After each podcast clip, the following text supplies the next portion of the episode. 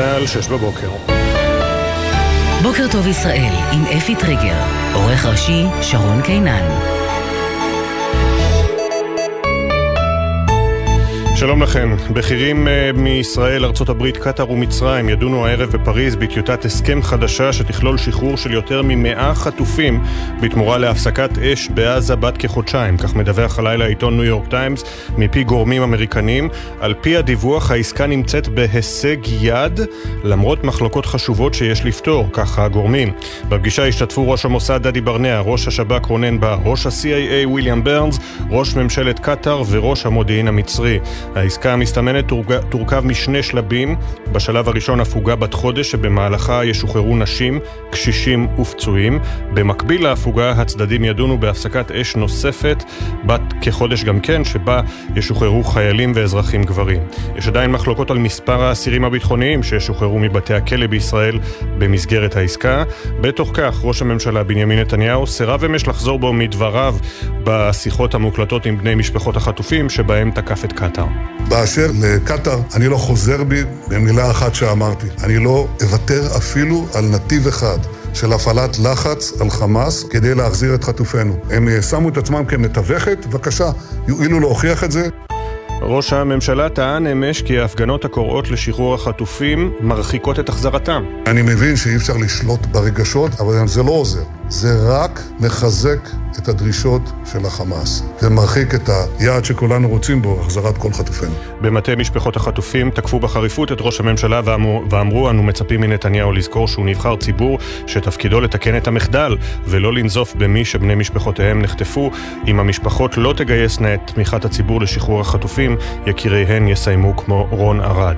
אמש התכנסו אלפים בכיכר החטופים בתל אביב לעצרת השבועית שנערכה תחת הכותרת לעולם לא עוד זה עכשיו, בסימן יום הזיכרון הבינלאומי לשואה, שצוין אמש בעולם. בין הנואמים היו בני דור שני ושלישי לניצולי שואה, ועל המסקים בכיכר הוקרנו מסרים מוקלטים ממשפחות של חסידי אומות עולם. במקביל, בני משפחות של חטופים הפגינו מול בית ראש הממשלה בקיסריה. עלי אלזיאדנה, אחיו של יוסף ודודו של חמזה, שנחטפו מחולית, פנה בנאומו לראש הממשלה. 136 ארונות זה לא תמונת ניצחון, אדון ביבי נתניהו. אם תקבל את ההחלטה הנכונה, תהיה מנהיג שייזכר לדורות. בתוך כך מאות רבות הפגינו אמש במספר מוקדים בארץ נגד הממשלה ובקריאה להקדמת הבחירות. חמישה מפגינים נעצרו בעימותים אלימים עם המשטרה בעת שצעדת מחאה חסמה לתנועה את הכניסה לקריה בתל אביב ואת רחוב קפלן. סוגיית היום שאחרי בעזה, חבר הקבינט, השר במשרד הביטחון בצלאל סמוטריץ', אמר אמש כי בסוף המלחמה ישראל תשלוט צבאית ואזרחית ברצועה. יהיה ממשל צבאי ישראלי בעזה. מכיוון שמוסכם על כולנו שאנחנו צריכים להישאר בעזה ולשלוט שם צבאית, ולא לשלוט שם צבאית ולא לשלוט אזרחית. היה על זה דיון קבינט ביום חמישי האחרון. כך השר סמוטריץ' אמש בתוכנית פגוש את העיתונות בערוץ 12, שם גם אישר כי התקיימו בסוגיה דיונים בקבינט. ראש הממשלה דחה את הדרישה, על פי הדיווחים של ראש השב"כ רונן בר, להקים ועדת חקירה ממלכתית למחדלי ה-7 באוקטובר. במסיבת העיתונאים אמש אמר נתניהו, עם כל הכבוד, הממשלה היא זו שתחליט בעניין הזה בבוא העת, לא הגורמים הכפופים לה. עוד אמר ראש הממשלה כי את החקירות והבדיקות צריך לעשות בגמר המלחמה, בטח לא בעיצומה. כך נתניהו. רב סמל מתקדם במילואים אלירן יגר, שנפל בהיתקלות עם מחבלים בדרום רצועת עזה ביום חמישי, יובא היום למנוחת עולמים ב-12 בצהריים בבית העלמין הצבאי קריית שאול. יגר, בן 36 מתל אביב, היה מהנדס בהייטק ולוחם בגדוד ההנדסה 8170 בחטיבת גבעתי. הוא הותיר אחריו אישה ושני ילדים קטנים. הזמרת הישראלית טלי גולרגנט תייצג את לוקסמבורג באירוויזיון 2024 לאחר שניצחה אמש בתחרות הקדם אירוויזיון המקומית. גולרגנט התחרתה בזמן שמשפחתה נמצאת בארץ ואחיה לוחם בעזה. בצוות ההפקה היו מספר ישראלים נוספים, המפיקה הראשית טלי אשכולי, במאי המופע משה קפטן והקוריאוגרפית מור חממי. בנוסף, בטקס הופיעה גם זוכת אירוויזיון 1973, אנ מארי דוד, שעלתה על הבמה בלוקסמבורג כשהיא עונדת על דש חולצתה סרט צהוב לאות הזדהות עם המאבק לשחרור חטופים. עוד פרטים בפינת התרבות. גביע המדינה בכדורגל, הפועל באר שבע עלתה לשמינית הגמר אחרי שהדיחה את מחזיקת הגביע בית"ר ירושלים 1-0. מכבי פתח תקווה עלתה גם כן לשלב השמינית בזכות ניצחון 3-1 על מכבי יבנה מליגה א' אחרי הערכה. בכדורגל האירופי, כדורגלן העבר האגדי ומאמן ברצלונה צ'אבי הודיע כי יעזוב את, קבוצתו, את הקבוצה בסיום העונה, זאת לאחר משחק ההפסד 3-5 לוויה ריאל אמש. מזג האוויר אצלנו, בצפון הארץ ובמרכזה צפויים גשמים מקומיים וייתכנו סופות רעמים בודדות. בחרמון ירד שלג, ייתכנו שיטפונות במדבר יהודה ובים המלח. בוקר טוב ישראל עם אפי טריגר. חמש דקות וחצי אחרי השעה שש, גלי צה"ל, יום ראשון, י"ח בשבט, תשפ"ד, 28 בינואר 2024. אנחנו פותחים עם uh, עוד סימן לכאורה להתקדמות במשא ומתן לעסקה לשחרור חטופים. הפעם, שוב, דיווח uh, בניו יורק טיימס על עסקה בהישג יד. מה הפרטים? שחר קנוטובסקי, כתבת חדשות החוץ, שלום. שלום אפי, בוקר טוב. אה, בכירים אמריקניים מספרים לניו יורק טיימס על אופטימיות לדבריהם בקרב אה, צוותי המשא ומתן בנוגע לכינון עסקה בקרוב, אולי אפילו ממש בשבועיים הקרובים. לפי הדיווחים, הצוותים ניסחו טיוטה שמורכבת מהצעות ודרישות הן של ישראל והן של אה, חמאס, מה שמסתמן הוא דיל של שחרור יותר ממאה חטופים בסך הכל, תמורת הפוגה בת כחודשיים בלחימה. ויותר בפירוט מדברים על שלב ראשון של הפוגה בת 30 יום, במהלכה ישוחררו נשים, קשישים נפגעים ופצועים. אה, במקביל להפוגה, הצדדים ידונו בשלב שני של אה, הפסקת אש שנייה באותו אורך של אה, חודש, שבה ישוחררו חיילים וגברים. עדיין יש מחלוקות על כמות הפלסטינים שישוחררו מבתי הכלא בישראל. הטיוטה הזאת צפויה להיות בסיס בעצם לשיחות בפסגה שתתקיים היום בפריז, בהשתתפות ראש המוסד דדי ברנע, ראש השב"כ רונן בר, האלוף במילואים ניצן אלון, ראש ה-CIA, ראש המודיעין המצרי וראש ממשלת קטאר.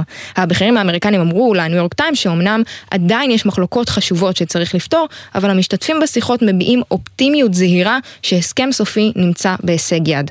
בנוסף, גורמים שקשורים לשיחות המשא ומתן מעריכים שאם אכן יתקבל ההסכם הזה והמלחמה באמת תיעצר לחודשיים, אז אחרי ההפוגה ישראל לא תנהל את המלחמה באותו האופן שבה היא ניהלה אותה עד עכשיו, מה שלדבריהם יפתח הזדמנות אולי לפתרונות דיפלומטיים אה, רחבים יותר. תודה, שחר. כאמור הערב, פסגת אה, ראשי המודיעין ובכירי המדינות המעורבות במשא ומתן שתתקיים בפריז. גם בשלב זה אין לנו אישור ישראלי להתקדמות בעסקה, גם לא אמריקני, אבל בישראל מקווים שהפגישה תוביל למגמה חיובית. כתבנו הפוליטי יובל שגב, שלום. בוקר טוב אפי, אז הפגישה הזו, הפסגה המרובעת שהולכת לכלול גם נציגים מישראל, כמו ראש המוסד עדי ברנע וראש השב"כ רונן בר, וגם את ראש ממשלת אה, קטר, את ראש המודיעין המצרי עבאס כאמל ואת ראש ה-CIA האמריקני. הפגישה הזאת אמורה בעצם לנסות ולמצוא את הנוסחה שתאפשר שחרור של חטופים נוספים. עוד אתמול בגזרת החטופים מצליח ראש הממשלה נתניהו להרגיז שם את המשפחות, כשהוא אומר שהוא אמנם מבין את הרגשות של המשפחות, אבל שההפגנות אה, מחזקות ומעלות להעלות את דרישות אה, החמאס, זה כמובן מצליח להרגיז מאוד את המשפחות. במטה משפחות החטופים מוציאים לאחר מכן הודעה, אומרים שהם מצפים מראש הממשלה לזכור שהוא נבחר אה, ציבור שתפקידו לתקן את המחדל ולא לנזוף במי שבני משפחתם נחטפו, אבל אומר ראש הממשלה, אף אחד לא צריך להמריץ אותי, אני עובד בזה כל הזמן. תודה יובל. כמדי מוצאי שבת בשבועות האחרונים, משפחות החטופים הפגינו אמש בכיכר החטופים, הפעם בסימן יום הזיכרון הבינלאומי לשואה ולגבורה שצוין אתמול. אתמול ברחבי העולם. במקביל, במסגרת החרפת המאבק, היו גם בני משפחות שמחו מול מעון ראש הממשלה בקיסריה. גל ג'רסי כתבנו, שלום. שלום אפי, לעולם לא עוד זה עכשיו, כך בחרו במטה משפחות החטופים לקרוא לעצרת השבועית בכיכר החטופים. העצרת הייתה בסימן יום השואה הבינלאומי שחל אמש. על הבמה נאמו בני משפחות חטופים שהם גם דור שני ושלישי לניצולי שואה. על המסקים הוקרנו גם מסרים מוקלטים ממשפחות של חסידי אומות העולם שהצילו יהודים במלחמת העולם השנייה.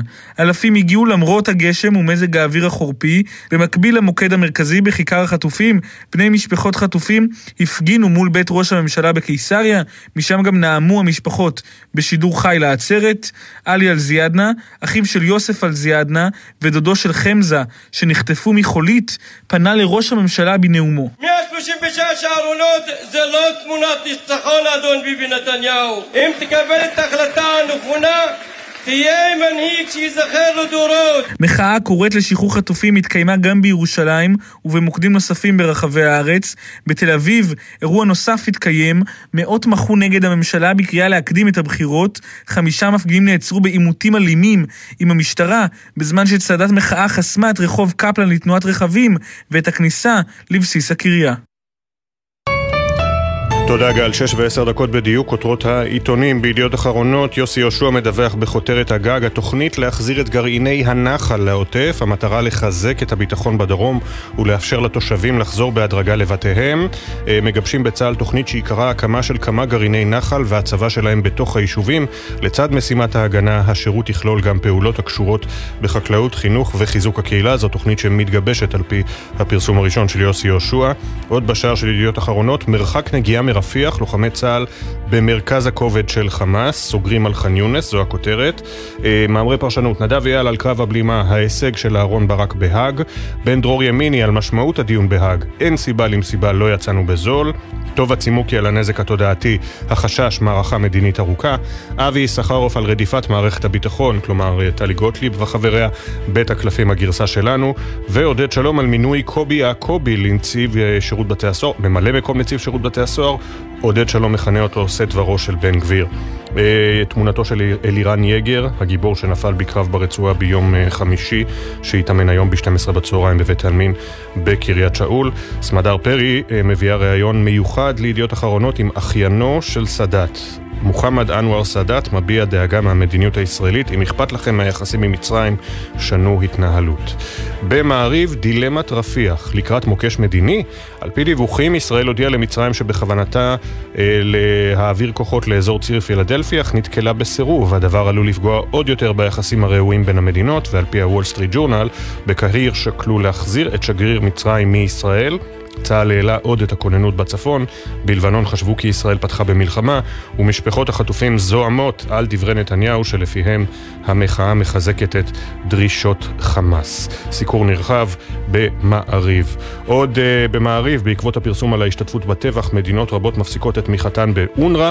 אנחנו נקדיש לכך את פינת הפרשנים שלנו בערך עוד uh, אה, 33 דקות, וגם נציין שבמהלך הלילה גם גרמניה הודיעה שהיא מפסיקה את המימון. בישראל היום, מלחמת חורמה, זו הכותרת הראשית, מלחמת חורמה, מאמצים לשלילת פעילות אונר"א, לאחר הדיווח שלפיו עובדי הארגון השתתפו בטבח, ארצות הברית, בריטניה וגרמניה השעו את הסיוע לאונר"א, אך לא בטוח שלאורך זמן. היום, אה, מדווח אריאל כהנא, תתחדש חסימת מעבר משאיות לעזה. לציון יום אה, הזיכרון הבינלאומי לשואה, אפרת פורשר מראיינת את אה, שורדות השואה שהקימו את ביתן בישראל, ואז הגיע 7 באוקטובר. למשל, רבקה רצ'בסקי נעקרה מביתה בפעם השנייה, כך זה מוגדר רבקה רצ'בסקי מקיבוץ אה, סאסא. עוד בשער של ישראל היום, רובנו לא ניפגש בקלפי, פרויקט מיוחד של עדי רובינשטיין לציון חודש לבחירות המקומיות, ב-27 בפברואר. הולכים לקלפי, עדי רובינשטיין תוהה מה ההיגיון מה ההיגיון. בהארץ, הכותרת הראשית, בית הדין בהאג לא קרא להפסקת אש, אך הוציא צווי ביניים נגד ישראל. סיקור נרחב, הפרופסור מרדכי קרמניצר כותב, עבור ישראל החלטת בית הדין היא אמנם הישג מסוים, אך גם תמרור אזהרה לעתיד. אה, דינה זילבר כותבת, לשעבר המשנה ליועץ המשפטי לממשלה, ההחלטה יכלה להיות גרועה יותר, אבל אי אפשר להתעלם מהנזק שההליך גרם לישראל. אלוף בן, אה, העורך הראשי כותב, הצגת ישראל כחשודה ברצח, עם, ברצח עם היא ניצחון לתנועת החרם עליה, וגם לא אחראי נתניהו. נועה לנדאו כותבת, אלון ברק הוא עלי התאנה המושלם של ואטורי עם נתניהו, הוא כנראה יהיה גם האחרון. וגדעון לוי מאשים לא השוליים הסהרוריים הם שגררו את ישראל להאג, מי שעשו זאת היו הרצוג וגלנט. מתחת לקיפול, הפניה למאמר הפרשנות של עמוס הראל, מופיע במלוא בעמוד 5, לקראת הפסגה שאמורה להניע עסקת חטופים, צה"ל מתקדם בתוך ח'אן יונס, והגר שזף מדווחת שבלי עבודה בישראל או תמיכה מהרשות, תושבי הגדה מידרדרים במהירות לעוני. בג'רוזלם פוסט, העיתון לדוברי השפה האנגלית, הכותרת הראשית Intel shows UNRWA staff members involved in October 7th, Israel calls to replace agency. אה, מידע מודיעיני מעיד על כך שעובדים באונר"א היו מעורבים במעשה הטבח של השבעה באוקטובר. ישראל קוראת להחליף את הסוכנות כולה, אה, זה מאת אה, טל שלו. ויש תמונה כמובן במרכז מכינוס בית הדין הבינלאומי בהאג עם שמיעת ההחלטה, ומימין תמונה קטנה יותר של ראש הממשלה נתניהו אמש במסיבת העיתונאים, מציג את התרגום לערבית של מיינקאמפ להיטלר, ספרים רבים כאלה נמצאו ברצועת עזה כידוע במהלך המבצע. בחברה החרדית יתד נאמן מגדיר את החלטת האג אנחת רווחה בישראל, הלחימה תוכל להימשך, וכוננות שיא בצפון, בתום סדרת אימונים אינטנסיביים הצבא הודיע על מוכנות. אה, לגבי מזג האוויר, ביתד נאמן מגדירים זאת גשמי ברכה בכל הארץ ועלייה במפלס הכנרת, טל ומטר לברכה, שלג נערם בחרמון וביישובים בצפון הגולן. אנחנו בהמשך נחזור עם כותרות עיתוני הכלכלה הקשורות ללחימה וגם עוד אה, סיפורים אה, מהרשת, בינתיים הדיווחים שלנו.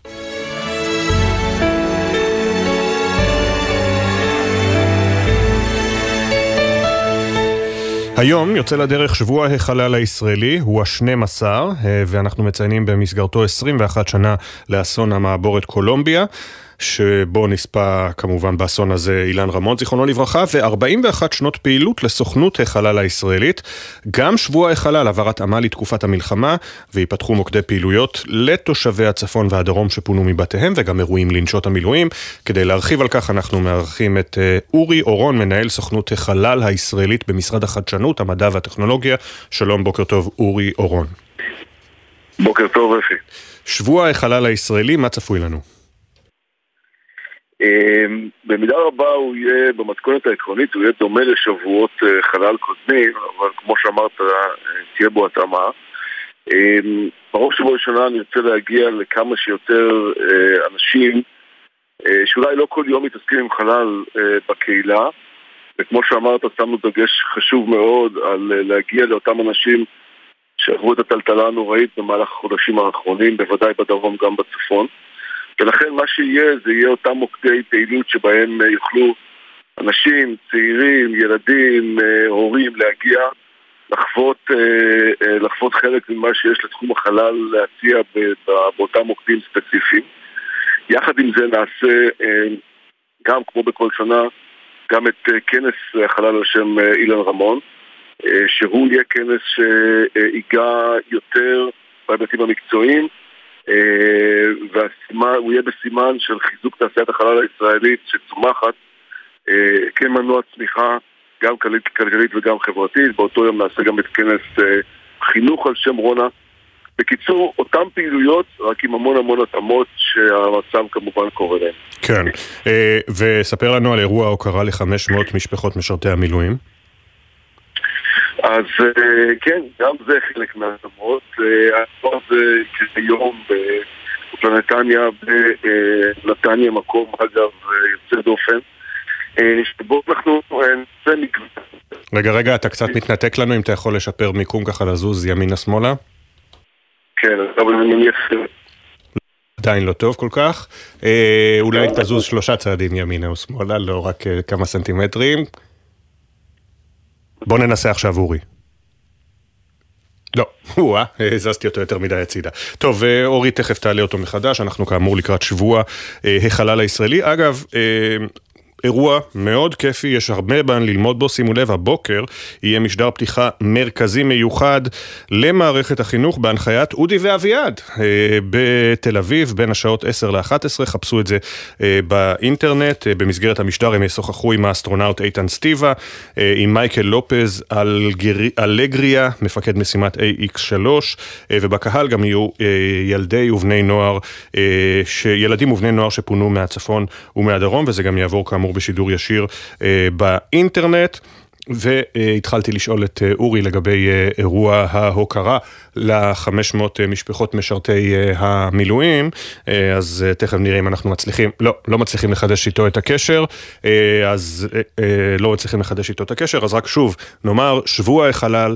הישראלי נפתח היום, חפשו ברשת, יש הרבה מאוד אירועים מעניינים מאוד, אה, וגם בהקשר המלחמה כאמור הם עושים פעילויות גם למשפחות המילואים וגם לילדי המפונים, אגב לא רק הילדים, גם המפונים עצמם יוכלו להשתתף באירועים הללו, חפשו בגוגל שבוע החלל הישראלי. אה, או, הצלחנו, הצלחנו, אורי. אורי איתנו? כן, אני איתכם. או, נשמע מצוין. אז אה, בואו נדבר שוב על שבוע, על אירוע ההוקרה ל-500 משפחות משרתי המילואים. אז האירוע הזה התקיים היום אה, בנתניה, אה, בנתניה, מקום מדהים, ופה תהיה הזדמנות מיוחדת להפגיש את אותן משפחות שאני מכיר את זה גם באופן אישי, תורמות כל כך הרבה מתחת לרדאר, בשקט, בימים מאוד מאוד לא פשוטים. ואנחנו ראינו לנכון לחשוף אותם, גם אותם, אה, לדברים המדהימים שיכולים להיות בתחום החלל, להוציא לרגעים מסוימים אה, את הראש והמחשבות אה, ממש לעולמות אחרים, ובעיקר בעיקר להביע כל כך הרבה תמיכה ואהבה ואהדה לנשים וגם לגברים המדהימים האלה. שכל כך כל כך עוזרים לנו היום. יש עוד פעילויות כאמור בהמשך השבוע, למשל יריד חלל באופקים. כן, אז זה חלק, זה חלק מהפריסה הרחבה שאנחנו uh, ניסינו לעשות השנה. uh, ושוב, לא להגיד uh, רק תבואו ותראו באיזה אתר כזה או אחר או שידור כזה או אחר, אלא ממש להגיע לאנשים. וגם יריד החלל באופקים הוא אחת הדוגמאות, הוא לא הדוגמה היחידה שבה אנחנו פשוט מגיעים לקהילה. יחד, עם ה, יחד עם הגופים באותן מועצות, באותן ערים ומייצרים אה, פעילויות אה, ששוב, תפקידם המרכזי זה להנגיש לקהל הרחב את הסיפור שהחלל, בעיקר החלל החדש, מספר לכולנו, ופשוט להגיע לכמה שיותר אנשים בעת הנוכחית, אנחנו רואים בזה ערך ומשמעות אדירה. אורי אורון, מנהל סוכנות החלל הישראלית במשרד החדשנות, המדע והטכנולוגיה, היום יוצא לדרך שבוע החלל הישראלי ה-12 במספר. תודה רבה שדיברת איתנו, שיהיה בהצלחה. תודה, מזמין את כולם להשתתף. עניין אחר, המתיחות מול טורקיה נותנת את אותותיה גם בשטח. בסוף השבוע הודיעה טורקיש איירליינס, אה, חברת התעופה השנייה, בהיקף הפעילות שלה בנתב"ג אחרי אל על, שהיא ממשיכה בהשהיית טיסותיה עד סוף אוקטובר. איך זה ישפיע על מפת הטיסות? כתבתנו לענייני אה, תיירות ותעופה, עינב קרנר, בוקר טוב. שלום אפי ובוקר טוב, ההחלטה של טורקיש איירליינס עלולה להוביל לטלטלה בענף הטיסות היוצאות. בתשעת החודשים הראשונים של 2023 טורקיה הובילה את רשימת היעדים המובילים עם יותר משני מיליון נוסעים וכמאה טיסות שבועיות, בעיקר עבור טיסות המשך, בין היתר גם בגלל המחירים הזולים ביחס לחברות תעופה אחרות בעולם.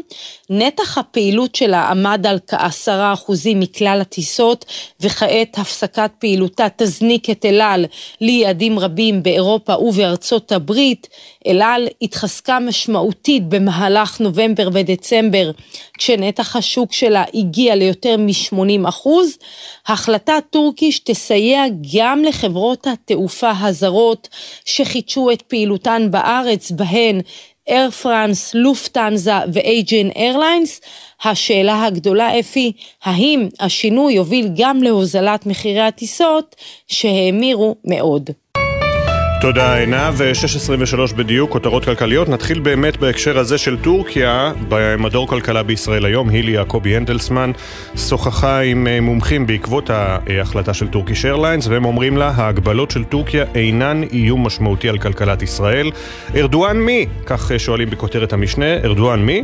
המתיחות הגדולה בין המדינות לצד ההתבטאויות החריפות של נשיא טורקיה כבר הובילו לכך שקבוצת פוקס הפסיקה את הסחר למדינה. האם הגבלות ביבוא בדרך? יחסי המסחר הביל הבילטרליים ימשיכו להתקיים גם בעתיד הקרוב, והם בעלי פוטנציאל להתפתח אפילו אה, יותר, כך אה, בכתבה של הילי יעקבי הנדלסמן.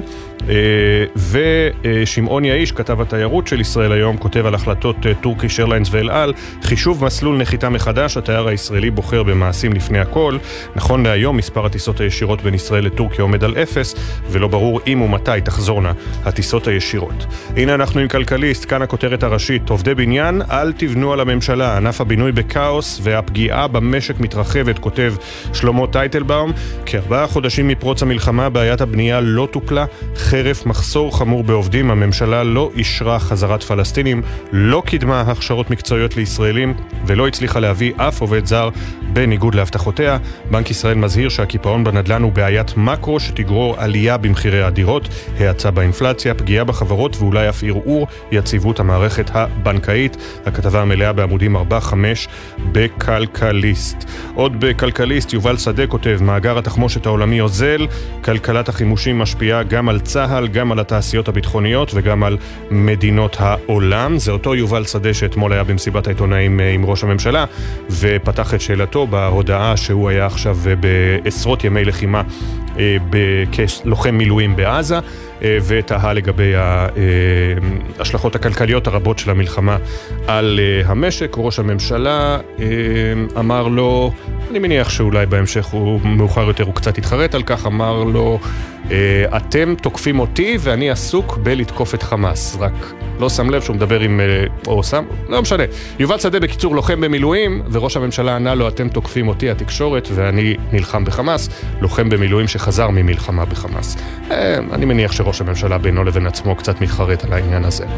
אה, עוד בכלכליסט, באיזה כיוון תפעל המהפכה של בנק ישראל? הבנקים יורשו לגבות תשלום על כל ייעוץ, על ייעוץ השקעות, הלקוחות עלולים לוותר על השירות, מדווחים אה, עירית אבישר ושקד גרין בעמודים 2-3.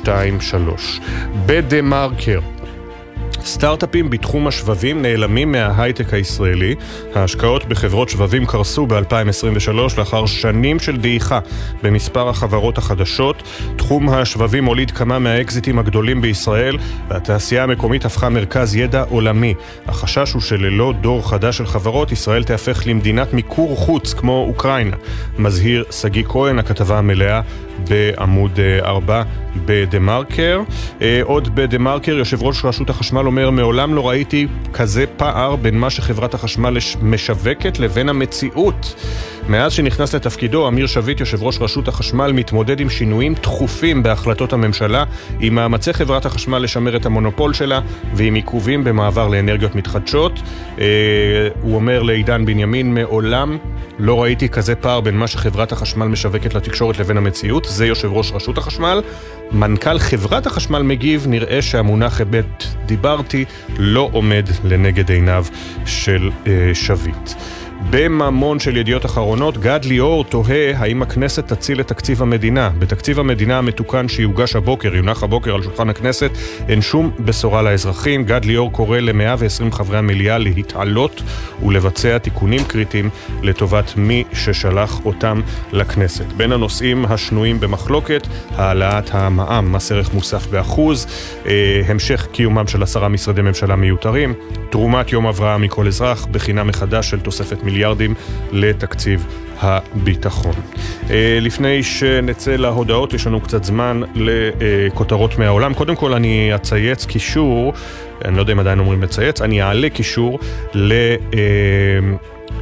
נאום, קטע מנאום שקראה אה, בשב, בסוף השבוע בפני הפרלמנט האירופי בבריסל, ניצולת השואה איירין אה, ששר, ככה כתוב שמה, אני לא יודע אם זה איירין או אירן, ואם ששר זה תעתיק מדויק או אולי שחר, ניצולת שואה שמדברת על כך, אה, אני אה, מעולם לא העליתי בדעתי שאחרי שהצלחתי לנצח את היטלר, אה, נכדיי יילחמו אה, בנאצים חדשים ויהיו אה, לישראל בני ערובה בעזה. נאום מאוד מאוד מרגש, תכף אני אצייץ את הקישור לנאום הזה.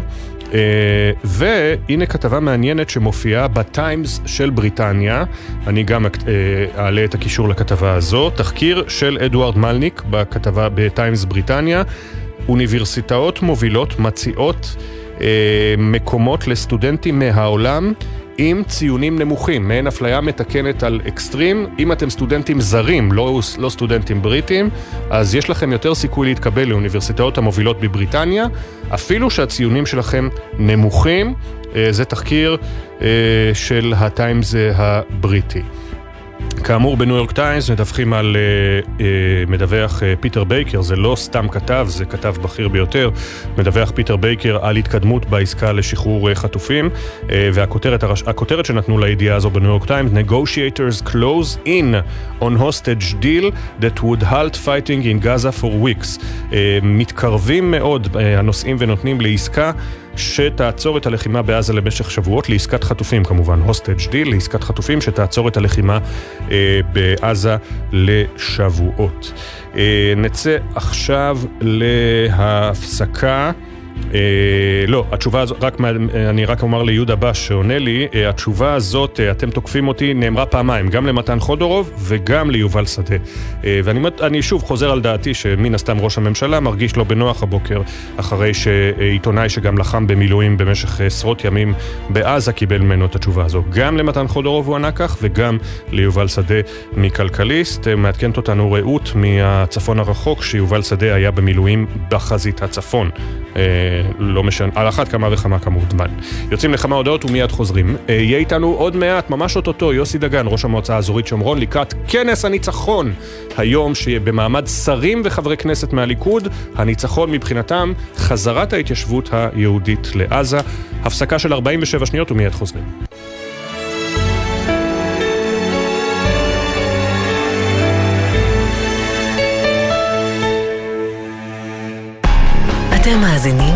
מאזינים לגלי צה"ל.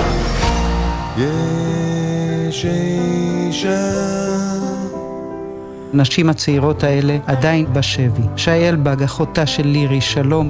את בעצמך תכננת לטוס בנובמבר. תוכניות קצת השתנו, אבל אני אדאג שלירי תחזור שנטייל ביחד. אבל אה, אפילו מישהו העביר לי מסר שלירי אמרה לי לא לבטל את הטיול ורק לדחות. שהיא אמרה את זה למישהו מהחטופים שחזר? כן. אני אומרת איך הילדה הזאת גם ברגעים הכי קשים שלה עוד דואגת להעביר לנו מסרים כאלה. שהיא חושבת אפילו על זה. גלי צה"ל, פה איתכם בכל מקום, בכל זמן. עכשיו בגלי צה"ל, אפי טריגר, עם בוקר טוב ישראל. 6.31 הכותרות. המגעים לעסקת חטופים בכירים מארצות הברית, ישראל, קטאר ומצרים ידונו הערב בפריז בטיוטת הסכם חדשה שתכלול שחרור של יותר ממאה חטופים בתמורה להפסקת אש בעזה בת כחודשיים, כך מדווח הלילה פיטר בייקר בניו יורק טיימס מפי גורמים אמריקנים. על פי הדיווח העסקה נמצאת בהישג יד למרות מחלוקות חשובות שיש לפתור, כך הגורמים. בפגישה השתתפו ראש המוסד דדי ברנע, ראש השב"כ רונן בר, ראש ה-CIA ויליאם ברנס, ראש ממשלת קטאר אסני וראש המודיעין המצרי עבאס קאמל.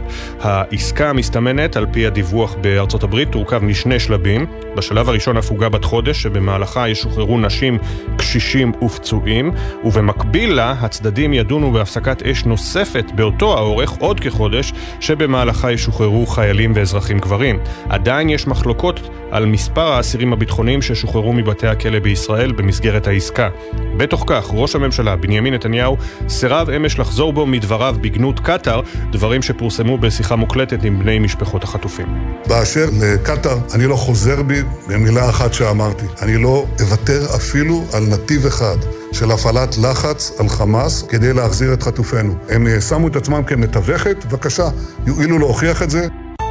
ראש הממשלה גם טען אמש במסיבת העיתונאים כי ההפגנות הקוראות לשחרור החטופים מזיקות למטרה. אני מבין שאי אפשר לשלוט ברגשות, אבל זה לא עוזר. זה רק מחזק את הדרישות של החמאס, ומרחיק את היעד שכולנו רוצים בו, החזרת כל חטופינו. במטה משפחות החטופים תקפו בחריפות את ראש הממשלה ואמרו, אנו מצפים מנתניהו לזכור שהוא נבחר ציבור שתפקידו לתקן את המחדל ולא לנזוף במי שבני משפחתם נחטפו. אם המשפחות לא תגייסנה את תמיכת הציבור לשחרור החטופים, יקיריהן יסיימו כרון ערד. תגובת מטה משפחות החטופים. אמש התכנסו אלפים בכיכר החטופים בתל אביב לעצרת השבועית שהפעם נערכה תחת הכותרת "לעולם לא עוד זה עכשיו" בסימן יום הזיכרון הבינלאומי לשואה שצוין אתמול בעולם. במקביל, בני משפחות חטופים הפגינו מול בית ראש הממשלה בקיסריה, ומאות רבות הפגינו בכמה מוקדים ברחבי הארץ נגד הממשלה ובקריאה להקדמת הבחירות. חמישה מפגינים נעצרו בעימותים אלימים עם המשטרה, בעת שצעדת מחאה חסמה לתנועה את הכניסה לקריה בתל אביב ואת רחוב קפלן. עדכוני תנועה לנהגים מגלגלצ. כביש 6 דרומה עמוס לסירוגין ממחלף אליקים עד ניצני עוז. כביש 65 עמוס מצומת אום אל-פחם לכיוון מחלף עירון. כביש החוף דרומה עמוס מאור עקיבא, עקיבא מערב עד מחלף קיסריה. ובהמשך יש עומס תנועה מכיוון חבצלת השרון עד גשר השלום. מזג האוויר עדיין חורף. בצפון ובמרכז צפויים גשמים מקומיים וייתכנו סופות רעמים יחידות. בחרמון ירד שלג. ייתכנו שיטפונות במדבר יהודה וים המלח. 6.34. במשך שנים השיח סביב חזרת ההתיישבות היהודית ברצועת עזה היה מתחת לפני השטח. זה השתנה כמובן עם הקמת הקואליציה הנוכחית, שבשלב ראשון העבירה את חוק ביטול ההתנתקות בצפון שומרון, ועם תחילת התמרון הקרקעי ברצועה, השיח עלה על פני השטח. יש ביקורת ציבורית בינלאומית, אבל יש גם הערב בבנייני האומה בשבע, בירושלים בבנייני האומה, כנס שכותרתו כנס לניצחון ישראל, התיישבות מביאה ביטחון וניצחון, חוזרים לחבל עזה ולצפון השומרון, במעמד שרים, חברי כנסת, רבנים. איתנו אחד ממארגני הכנס, מיוזמי הכנס, ראש המועצה האזורית שומרון יוסי דגן, שלום לך, בוקר טוב. שלום, בוקר טוב אפי. אנחנו רואים בהודעה שמדובר בקואליציית הארגונים להתיישבות בחבל עזה. אתם ממש, אה, ממש כבר נערכים אופרטיבית, תפעולית לעניין. אנחנו נערכים קודם כל לתת אמירה ברורה. בוודאי שאחרי שהממשלה תאמר שצריך לעשות את הצעד הזה, לפחות להתחיל בצפון הרצועה, באזור, אני רוצה להזכיר שהוא שלושה קילומטר משדרות ותשעה קילומטר מעזה, שטח שהוא היה שטח מפורז בכלל, שהוא, אם נשווה את זה ליהודה ושומרון, זה כמו אזור התעשייה של מודיעין, כן? לחזור לשם, אה, אני חושב שכולם מבינים היום שני דברים. אחד, שאוסלו וההתנתקות הביאו עלינו את השואה הזו בצורה ישירה, לא בצורה מטאפורית. ברור שגם כשהמשיכו ברוח של אוסלו ונתנו כסף לחמאס, כדי לחזק אותם זה גם העצים, אבל מה שהביא את השואה הזו, זה שנסוגנו ועשינו את ההתנתקות ואת אוסלו, וכולם גם מבינים שמה שידביר וייתן את הניצחון המוחץ לנאצים הברברים האלה מעזה, וממילא לכל השכנים היקרים שלנו במרכאות שמסתכלים לראות איך אנחנו מגיבים, זה אחד, מכה צבאית, ושתיים, אפי, מה שבאמת ייתן להם את המכה, מה שבאמת יחזיר את ההרתעה, מה שבאמת יכאב להם, זה לקחת בחזרה את השטח שלנו, אני מזכיר, שלנו, ולהקים שם התיישבות, אני אומר אפילו להתחיל ביישוב אחד בצפון הרצועה, משום שבסוף, בסוף תמיד, מאז ראשית ימי הציונות, ככה לימדו אותנו בפלמ"ח, יד אחת אוחזת בשלח, כלומר בחרב, ויד שנייה אוחזת במחרשה. Okay. אוקיי. כשאנחנו רואים, כשאנחנו רואים מה קרה מהנסיגה והעקירה המוטרפת וההזויה של היישובים בגוש קטיף ובצפון השומרון, שהבטיחו לנו שזה יביא ביטחון, והבטיחו לנו שאם פעם אחת, כל אלה ששיווקו את זה, הגאונים האלה, שרון ומופז ואחרים... ובנימין נתניהו שהצביע ארבע פעמים, אני לא קטעתי אותך עד עכשיו, אבל חכה, הדיון שלנו, כן. עזוב את ההתנתקות, אני לא קטעתי אותך עד עכשיו, אני רק אציין את חלק מהעובדות שאנחנו חלוקים בהן כמובן. קודם כל, בנימין נתניהו הצביע ארבע פעמים בעד ההתנתקות, בממשלה ובכנסת. נכון. זה דבר ראשון. לא דבר שני, ההתנתקות אירעה בקיץ 2005, הסכם אוסלו נחתם ב-1993, ההסכמים האחרונים ב-98, נכון. הסכם חברון, מי היה ראש הממשלה? בנימין נתניהו. מאז 2009 ראש הממשלה במדינת ישראל הוא בנימין נתניהו, למעט הפסקה של שנה וחצי. אז להאשים את הכל על ההתנתקות מ-2005 ואוסלו מלפני 30 שנה, יש על זה מחלוקת. אה, אבל עזוב, יוסי דגן, תן לי את אה, לוח הזמנים. מתי, מבחינתך, אחרי הכנס הערב, מתי עולה הנווה דקלים או הדוגית החדשה על הקרקע בעזה? קודם כל, ברשותך, אני אה, אענה על מה שאמרת, כי אמרת נקודה חשובה. בוודאי שבכל אחד שמסתכל וגם תסתכל יחד איתי, בסופו של דבר, מה שהביא לפה את החמושים, בהתחלה מהפתח, מתוניס, ומה שהפך, זה הסכם אוסלו. מה, ש... ומה שהביא לנו את המחבלים המתאבדים כי זה הצמיח את החמאס. אם היינו נמצאים שם זה לא היה קורה. עזוב אותי משיעור היסטוריה, הסכמנו שאנחנו לא מסכימים, בוא נדבר. אתה, ברשותך, אני כמובן שאתייחס למה שאמרת, אבל אתה שאלת שאלה חשובה וחשוב לי לחדד כדי שהמאזינות והמאזינים, שחלקם לא נולדו אז, יוכלו אה, להבין את זה. ברשותך, משפט. מה שאפשר את העלייה של החמאס לשלטון זה ההתנתקות, שנה אחרי ההתנתקות, אחרי הגירוש, ששווקה כשלום האולטימטיבי, החמאס ניצח בבחירות. אני יכול להמשיך איתך ככה כמו בטניס אה, פינג פונג, ומי הבטיח בבחירות 2009 למגר את חמאס ולא מיגר? עזוב את שיעור ההיסטוריה, יוסי דגן, בוא נמשיך הלאה. זה בדיוק מה שאני אומר, אבל מי לא מיגר את זה? מי? איך קוראים לו? אבל זה בדיוק מה שאני אומר. אז עזוב את ההיסטוריה, בוא נדבר לא על ההווה. עזוב את ההיסטוריה. אם לא היינו עושים את ה... לא היינו נסוגים, לא הייתה המפלצת הזאת של החמאס. אם היינו ב-2009, כמו שאתה אומר, אמרת, אמרת, מתי עולים על המחרשה? עולים על המחרשה כשממשלת ישראל, אנחנו היהודים, אזרחי המדינה, מחכים שממשלת ישראל תיתן את האוקיי, אנחנו לא פרטיזנים. ולכן אני אומר, כמו שאת, וטוב שחידת, עדיף מאוחר מלעולם לא. אם ממשלת ישראל ב-2009 הייתה מחזירה יישוב אחד, אחד, ונותנת מכה צבאית שהייתה נותנת היום, יכול להיות שהשמאל בישראל היה תוקף, אני אומר את זה בכבוד רב, יכול להיות שגם בגלי צה"ל היו תוקפים מה פתאום אתם מחרחרים מלחמה, אבל היינו מונים את השואה הזו. אבל היום, אחרי שכבר ברור לכולם שהדרך של הנסיגות מתה, כי אני רוצה להגיד לך, אותם נאצים, ברברים ששחטו 1,400 איש בשביעי לעשירי, הם גם שחטו את הפרדיגמה של שטחים תמורת שלום. כולם מבינים את זה היום. ולכן אם אנחנו באמת רוצים לנצח אפי, אם אנחנו באמת רוצים להחזיר את ההרתעה, את הכבוד הלאומי וכתוצאה מכך את הביטחון, צריך מצד אחד צה"ל לתת מכה צבאית נחושה בלי להתחשב בלחצים בינלאומיים, ומהצ... כמו שכל עם נורמלי היה עושה, ומהצד השני להחזיר התיישבות, אני אומר להתחיל אפילו במקום אחד שהוא קרוב לשדרות, שלושה קילומטר משדרות ותשעה קילומטר רחוק מעזה, לתת אמירה ברורה, אנחנו כאן, אנחנו לא נשברים, אנחנו כאן כדי להישאר, אנחנו מקימים התיישבות, וכן, זה שלנו. אני לא מדבר בצורה, לא חושב שצריך להיות הזויים, אני לא עכשיו אומר תקים עכשיו בדיר אל בלח התיישבות, mm-hmm. אבל תעשה צעד התיישבותי אחד, תתחיל. אוקיי. תראה, אנחנו כאן כדי לא להישבר. האם יש לך אור ירוק מראש הממשלה בשתיקה? כי עד עכשיו הוא לא, א', הוא לא מביע בכך תמיכה בפה מלא, אתמול הוא, אה, איך נאמר, קצת היה פחות נחרץ בהתנגדות לעומת במסיבת עיתונאים נגיד לפני חודש. לצערי הרב ראש הממשלה כרגע אה, מתנגד. אני מאוד אה, מכבד אותו, אני לא חייב להסכים אותו בהכל, גם כשנתניהו הצביע בעד הגירוש ואז ההתנתקות, אה, אני חלקתי על זה. אני חושב שבוודאי שהממשלה הזו עדיפה על פני ממשלה אחרת שהייתה רוצה להביא מדינה פלסטינית ליהודה ושומרון ולעשות את אותה שואה שעשו בעוטף עזה, לעשות בכפר סבא, בפתח תקווה. היום כולם מבינים שיהודה ושומרון זה השכפ"ץ וגוש דן, זה עוטף תל אביב, ולכן צריך לחזק את מי שמאמין בזה. אבל אני... אז אין כרגע התכנות לכל התוכנית שלכם. כרגע ראש הממשלה מתנגד לזה. אפי כרגע ראש הממשלה מתנגד לזה, ואני מכבד אותו מאוד.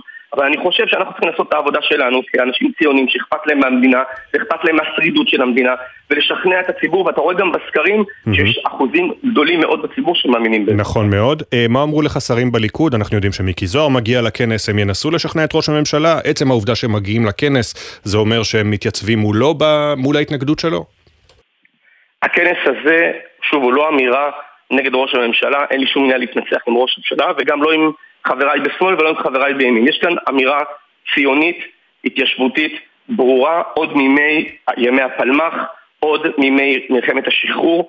אנחנו היום רואים בצורה ברורה, היכן שיש התיישבות, יש ביטחון, ולכן יהודה ושומרון היא חגורת המגן של תל אביב, ולא קרה את מלחמת העצמאות השנייה בכל מדינת ישראל בשביעי לעשירי. היכן שהייתה נסיגה, קיבלנו את השעה הזו, כיבדנו את הטרור האיום הזה, ולכן התיקון הוא לתת מכה צבאית ולהחזיר התיישבות. אז אני אשאל אותך כראש המועצה. זה נכון ליהודה ושומרון, וזה גם נכון להתחיל אפילו בצפון רצועת עזה. כראש המועצה האזורית שומרון ופעיל מרכזי בליכוד, האם אתה מצפה מהשרים וחברי הכנסת שהגיעו הערב לכנס גם לפעול אקטיבית כדי לשנות את דעתו של ראש הממשלה? אני מצפה לא רק משרי הממשלה, אני מצפה מכל אזרח, מימין ומשמאל, שרוצה למנוע את ההתרחשות של הדבר הזה גם בכפר סבא, תל אביב, פתח תקווה, לחזק את ההתיישבות ביהודה ושומרון, ומי שרוצה לחזק את ההתיישבות בדרום, בעוטף עזה, בשדרות, בכל מקום, לחזק את ההתיישבות גם בעוטף עזה, גם בגבול הצפון, וגם לתת אפילו, כמו שאמרתי, להתחיל בנקודה התיישבותית אחת, איפה שהממשלה תבחר, בצפון הרצועה, להרחיב את שדרות לכיוון הים, לתת משהו אחד שאומר אנחנו לא נשברים, זה לא עוד סבב, תבין, הרי הם הורגים, mm-hmm. החמאס הורג ערבים בעזה יותר מכל מה שצה"ל יחלום להרוג. בסוף צריך לתת מכה צבאית, וצריך להביא אותה וצריך לחזק את צה"ל, לחזק את הממשלה, לא להיכנע ללחצים בינלאומיים צפויים. כן. כי כל העולם היה עושה הרבה יותר. אבל בוודאי שמה שיחזיר את ההרתעה, מה שיחזק גם אותנו בשכונה הכל כך קשה איפה שאנחנו נמצאים במזרח התיכון, זה לדבר בשפה שלהם. אוקיי. ומה שירתיע אותם, ואני לא מתבייש להגיד, גם מה שיחזיר צדק היסטורי, זה להחזיר, להתחיל להחזיר התיישבות בצפון הרצועה ולהמשיך הלאה, כי אנחנו צריכים להגיד לעולם, אנחנו כאן ולא נשברים. ואני רוצה להזכיר עוד משהו אחד. בקצרה, במשפט. מבצע, בוודאי, אחרי מבצע אנטבה זכינו באירוויזיון, ואחרי שנסוגנו מעבר לקווי 67, מסיבה השגה by the book, וכשתקפו אותנו הגבנו, הגבנו, הגענו להאג. העולם מעריך מדינות חזקות, העולם לא מעריך מדינות שמתקפלות ומתבכיינות. יוסי דגן, ראש המועצה האזורית שומרון, הערב בשבע בבנייני אומה בירושלים, כנס לניצחון ישראל ולחידוש ההתייצ... ההתיישבות בחבל עזה וצפון השומרון. תודה רבה שדיברת איתנו. תודה, בוקר טוב. בוקר טוב. 6.43, אנחנו ממשיכים הבוקר במיזם שלנו מאחורי השמות. מדי בוקר מספרים כאן משהו קצר על כל נרצח ונופל, אנקדוטות שאת חלקן בני משפחה וחברים שלחו לנו, נעשה זאת על כל אחד ואחת מאחורי השמות.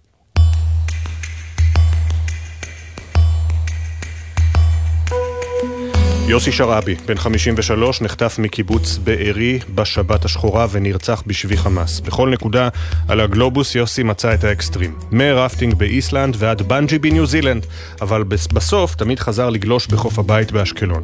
מספרים שהוא ידע לנצל 48 שעות ביממה. תחזק את בית הכנסת בבארי, התנדב עם ילדים עם צרכים מיוחדים וטיפח משפחה למופת. סומקואן פנסה ארד, בן 39 מתאילנד, נרצח בשבת השחורה. חודש אחרי הרצח היה אמור סומקואן לציין שנה בישראל, שבמהלכה עבד במטע בננות בעוטף עזה.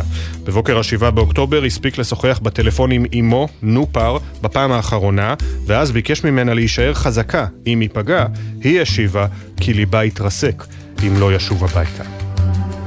מיכאל אוסטרובסקי, בן 77 מאופקים, נרצח בשבת השחורה כשעבד כמאבטח בקיבוץ מגן. מיכאל אהב, אהב יותר מכל לרקוד ולשיר, לעיתים בתחפושת סנטה, איתה שימח ילדים לקראת השנה החדשה. הוא היה דייג חובב, שלא ויתר על הדג המטוגן אחרי הביקור בים. רב סמל במילואים אוריאל אביעד סילברמן, בן 23 מנחלים, לחם בגדוד 7421 בחטיבת קרייתי ונפל בקרבות בדרום רצועת עזה. אוריאל היה טבח מכונן, שהפך כל מנת קרב לארוחת גורמה. בכל שישי הכין סיר חומוס שהעמיד את קרוביו בתור ארוך, וברי המזל קיבלו גם מנה לשבת. המקפיא שלו תמיד היה מלא בשרים, ובכל שעה היה מוכן להרים ארוחה מושקעת לכל אורח. סמל ראשון עמית בונצל, בן 22 משוהם, היה לוחם וסמל מחלקה בסיירת הצנחנים, נפל בקרבות במרכז רצועת עזה. לא היה מאושר מעמית כשטייל בין אגמים ומעיינות, בארץ ובחו"ל. מצויד תמיד בפקל הקפה, שפתח עם אור ראשון, כשחבריו עוד ישנו באוהלים. את ביתו מילא במזכרות ממסעותיו, ספרים על היסטוריה צבאית, קרבות גבורה וטיולים. טטיאנה שניטמן, בת 70 מאופקים, נרצחה בשבת השחורה באוטובוס הגמלאים לים המלח. טטיאנה, שהתנסעה לגובה מטר וחמישים, טיפלה במסירות בבעלה ולדימיר במשך יותר מחצי שנה, כשהיה מרותק למיטתו בשל ניתוח. היא לא יכלה לעמוד בפני אף חתול רחוב שהיה זקוק לעזרה, והכניסה לחצר ביתה יותר מ-20 חתולים. אשיש צ'אודהרי, בן 25, נרצח בשבת השחורה בקיבוץ עלומים. השיש הגיע ארצה מנפאל בחודש ספטמבר ללימודי חקלאות וחלם לעזור למשפחתו שנותרה מעבר לים. השמות, הפנים. הסיפורים המלאים יעלו בהמשך לעמוד הטוויטר של גלי צה"ל. נזכיר שבני משפחה וחברים מוזמנים לשלוח לנו סיפורים ותמונות, לכתוב את המייל זיכרון שטרודל glz.co.il, זיכרון עם K. תודה לכתבינו תמר שונמי, שירה שפי ואילי זילברברג שהביאו את הסיפורים לשידור. תודה גם לרן לוי ויוסי ריס על העריכה הדיגיטלית של המיזם, יאריק וטקוביץ' על העיצוב הגרפי ונטע לב טננבאום על ההפקה לדיגיטל.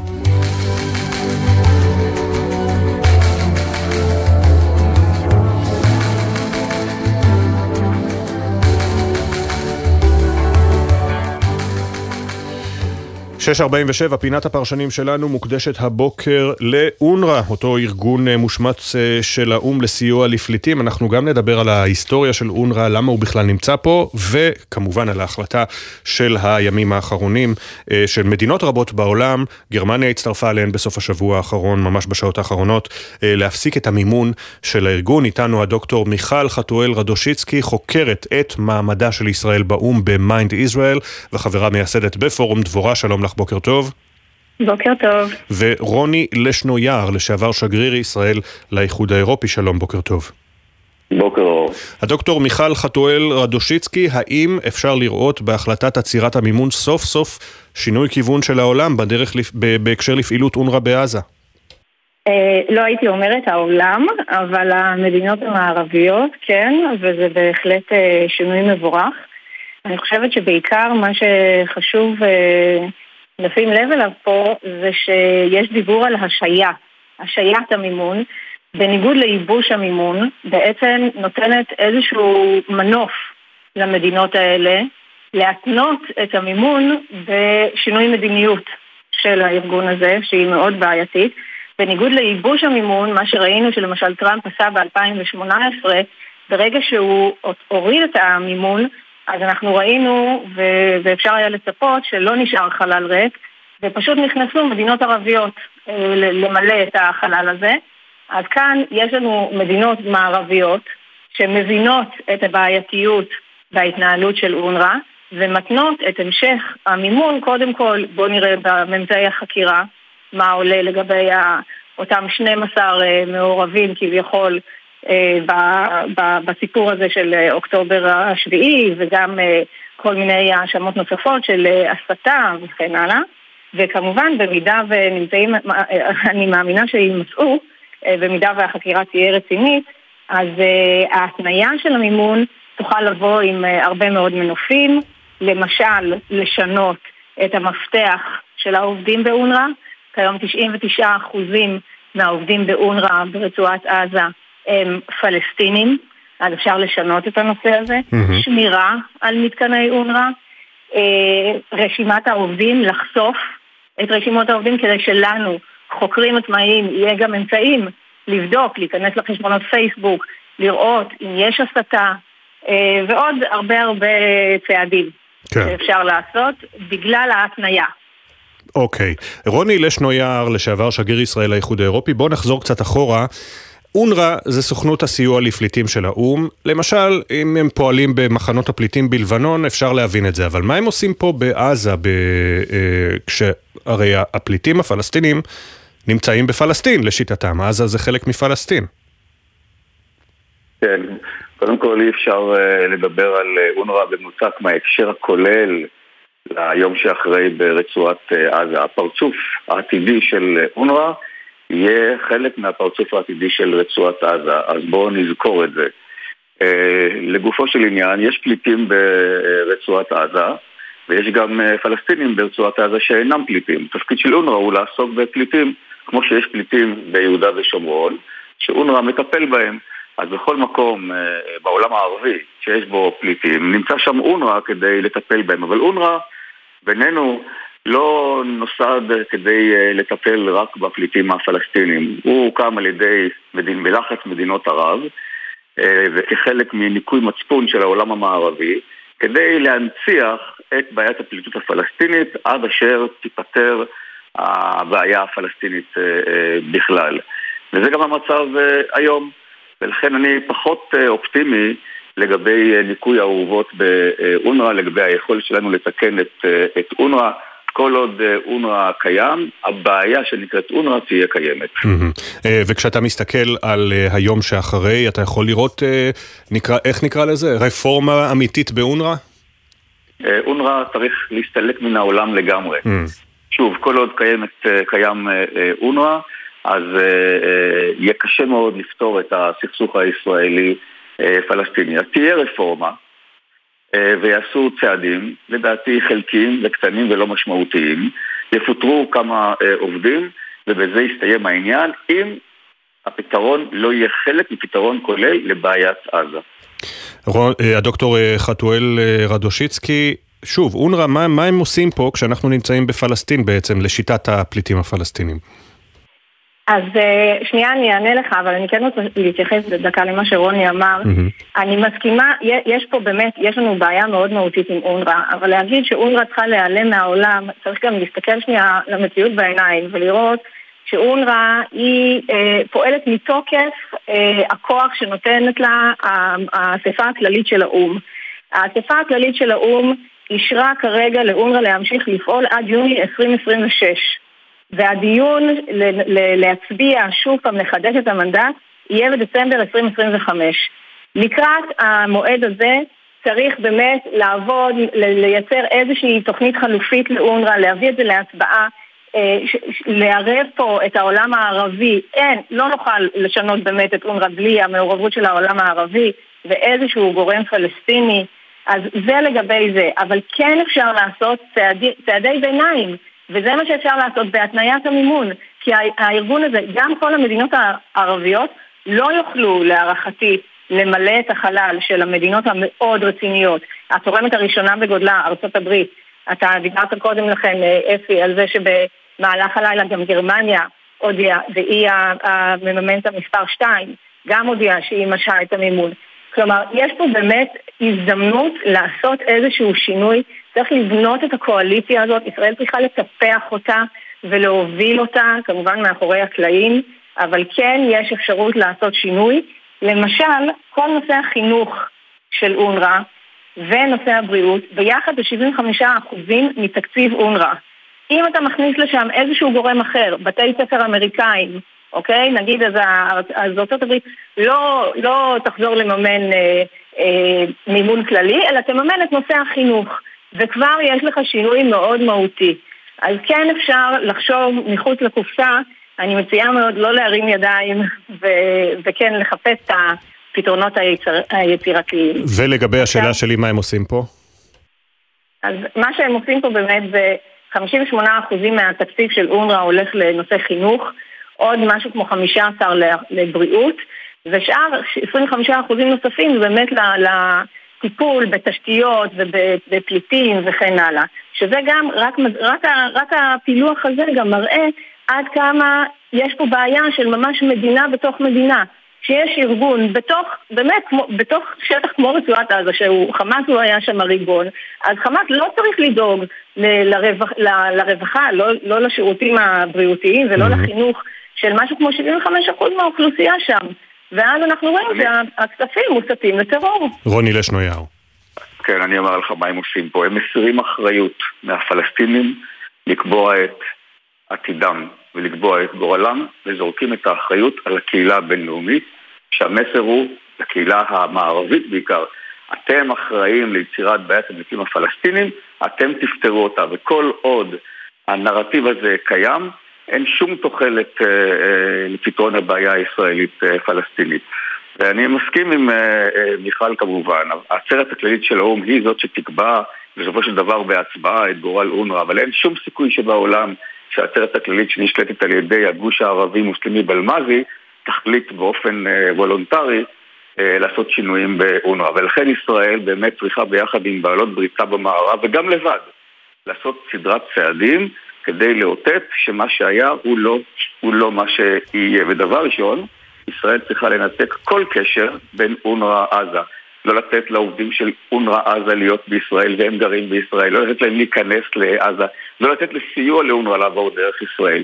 כל עוד לא נעשה את זה, אנחנו נאותת שאנחנו לא רציניים לגבי עתיד אונר"א. אתה יודע, אה, אנחנו נהוג ככה לזלזל, בטח במלחמת לבנון השנייה ואחריה, באנשי יוניפיל, חיילים מפיג'י וכאלה. באונר"א זה מה? זה מעל 90% פלסטינים אה, תושבי עזה עובדים. יש 25 אלף עובדים רשומים אה, באונר"א, מתוכם רק 200 או 300 הם לא פלסטינים. לכן זה ארגון פלסטיני שמנוהל על ידי פלסטינים. איך הגענו למצב הזה לדעתך? אמרתי, העולם המערבי, בשנות ה, בתחילת שנות ה-50, אה, רצה למרק את המצפון שלו, והעולם הערבי רצה להפעיל עוד לחץ על ישראל, אה, ולכן אה, נוצר, נוצרה אונר"א. לא צריך להשלות את, את עצמנו, זה לא ישתנה, לא תמצא 25 אלף עובדים שהם לא פלסטינים כדי שיעבדו במרפאות ברצועת עזה ובמחנות פליטים בלבנון ובירדן. זה לא ישתנה. ולכן שוב, השינוי חייב להיות חלק מתפיסה כוללת לגבי עתיד רצועת עזה, ופתרון בעיית אונר"א יהיה חלק מאותה תפיסה כוללת. הדוקטור חתואל רדושיצקי, ישראל כל הזמן, כבר הרבה שנים מדברת על לעצור את אונר"א, לסגור את אונר"א בעזה, אבל האו"ם ממשיך לחדש את המנדט שלהם כל שלוש שנים. נכון, ובהחלט בלחץ של העולם הערבי. אני חושבת שהנתונים שגם שרוני הרגע ציין, עוד, עוד הוכחה לכך שהמעסיק הזה שנקרא אונר"א, שפועל בשטחים, הוא מעסיק מאוד משמעותי. אז אין, אין אינטרס, אין להם שום אינטרס אה, לסגור אותו או, או להפור, להעביר שום רפורמות בארגון הזה. אה, ההפך, יש לחץ שלא לעשות את זה. עכשיו, בתוך הנתון הזה שרוני ציין, ש-99% מהעובדים של אונר"א הם בעצם פלסטינים, גם ברור שאתה מייצר איזשהו ניגוד אינטרסים. גם כל הרשימות של הפליטים הן לא שקופות, אנחנו לא יודעים נכון. שפליטים ש, שבאמת מתים אחר כך הם נגרעים מתוך הרשימות. יש איזה נתון על של 5.9 מיליון פליטים פלסטינים, אנחנו לא יודעים אם זה בכלל נכון ואין שום שקיפות. חלק מהדברים של הקניית המימון, אפשר לבקש את הדברים האלה, שוב, לא צריך פה... לא צריך לחסל ישר את כל העניין, כן. וגם, בטח לא צריך לחסל ישר את כל העניין. חייבים להתכנס לסיום. אוקיי, אז אני רק אציין שביום שישי אנחנו ראינו את ה-ICJ ואת נשיאת בית המשפט ואיך שהיא דיברה על אונר"א ועל על פיליפה לזריני, שהוא המנכ"ל של אונר"א, קומישנר ג'נרל, כדברי אלוהים חיים. כן, אז גם פה באמת לסיום. צריך להיזהר. אוקיי. אה, דוקטור מיכל חתואל רג'ושיצקי, רוני לשנויאר, שוב למי שלא מקשיב לנו כל בוקר, אין לי פה, אה, אני לא יכול לבטל את ההודעות בסוף השעה. כשאני אומר להתכנס לסיום זה משפט שניים, אחרת אני קוטע אתכם אה, באכזריות רחומה. יוצאים להפסקה של 50 שניות בלבד, ואחרי השעה השנייה של בוקר טוב ישראל, כל הקולות מעצרת החטופים אמש בסימן יום הזיכרון הבינלאומי לשואה ולגבורה, וגם אחרי אה, מסיבת העיתונאים של ראש אה, הממשלה ולקראת תקציב המדינה. בוקר טוב ישראל, מיד חוזרים. בחסות הפניקס סמארט, המעניקה שלושה חודשים מתנה וגם שלושה חודשים דחייה בתשלום הביטוח המקיף לרכיב. כוכבית 5432, כפוף לתקנון, הפניקס חברה לפיתוח בע"מ. בחסות קרנות השוטרים, המציעה לעמיתיה את רכבי סוזוקי דגמי 2024 במגוון הנחות. לפרטים כוכבית 9955 או אתר קרנות השוטרים. אתם מאזינים לגלי צה"ל. זו אותה נסיעה לעבודה או הביתה בדרך המוכרת, אבל בחורף זה לא אותו הכביש. בחורף, כשהרעות לקויה, קשה לנהגים יותר מהרגיל להבחין ברכב שעצר בשול הדרך. לכן, לא עוצרים בשולי הדרך, אלא במקרה תקלה שאינה מאפשרת המשך נסיעה. הרלב"ד, מחויבים לאנשים שבדרך. עכשיו בגלי צה"ל, אפי טריגר, עם בוקר טוב ישראל.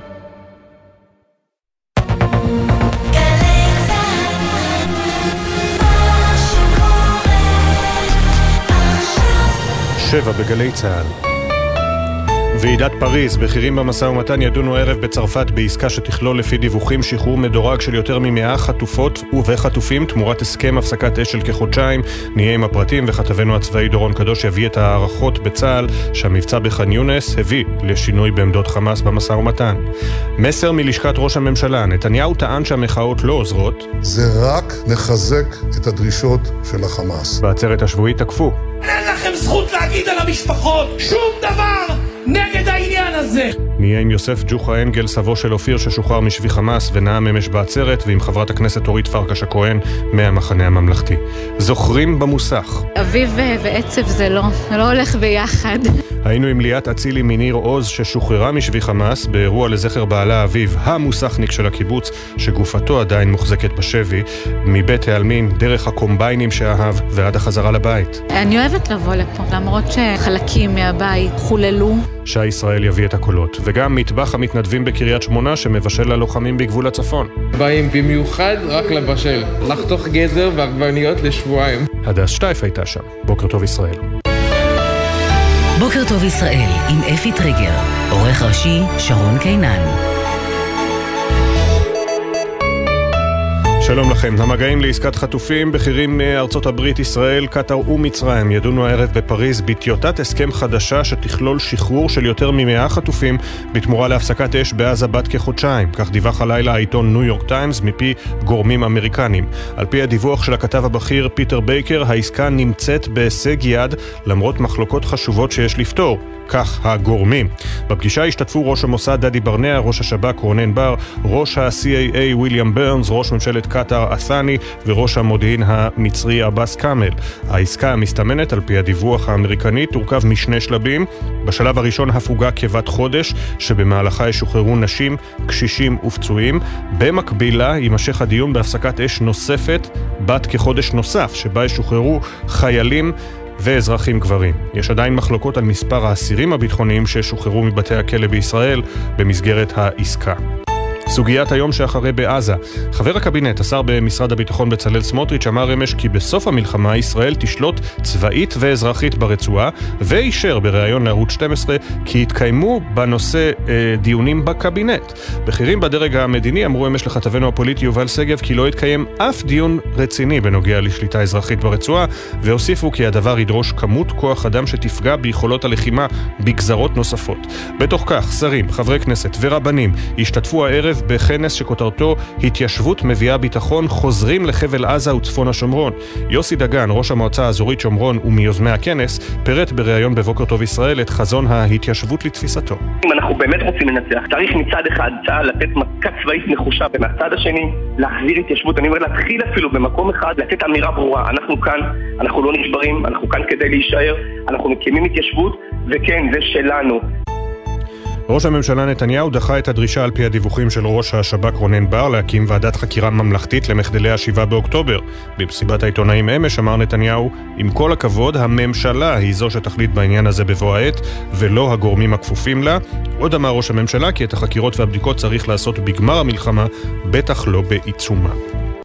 תנועת אימהות בחזית תעתור הבוקר לבג"ץ בדרישה לצו ביניים בהחלטת צה"ל להקדים את הגיוס של 1,250 נערים בשנות שירות ומכינות, זאת לעומת 140 נערים בלבד הלומדים בישיבות הסדר. מחזור הגיוס הקרוב צפוי לצאת לדרך כבר בחודש מרס הקרוב. כתבתנו לענייני חינוך יובל מילר תדווח על כך בהמשך בוקר טוב ישראל. מדובר צה"ל נמסר בתגובה, היקפי ההקדמה בכל מסלול מושפעים מתמונת המצב המבצעית, ממאפייניו הייחודיים של המסלול, מהתקדמות הניהול הכולל של מקורות הגיוס ומיכולות ההכשרה בכל מחזור.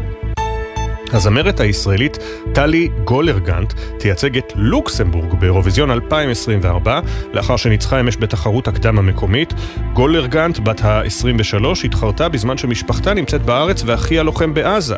בטקס אמש הופיעה גם זוכת אירוויזיון 73, אנ מארי דוד, שעלתה לבמה בלוקסמבורג כשהיא עונדת על דש חולצתה סרט צהוב, לאות הזדהות עם המאבק לשחרור החטופים. עדכוני תנועה מגלגלצ, באיילון צפונה עמוס מהקוממיות עד מחלף השלום, כביש 6 דרומה עמוס ממנהרות נילי עד ניצני עוז, כביש החוף דרומה עמוס מאור עקיבא מערב עד מחלף קיסריה, בהמשך עמוס מכיוון חבצלת השרון עד גשר השלום.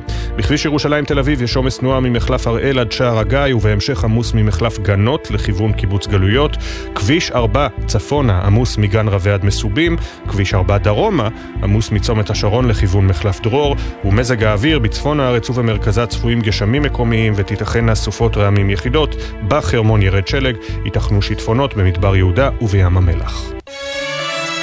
בוקר טוב ישראל עם אפי טריגר.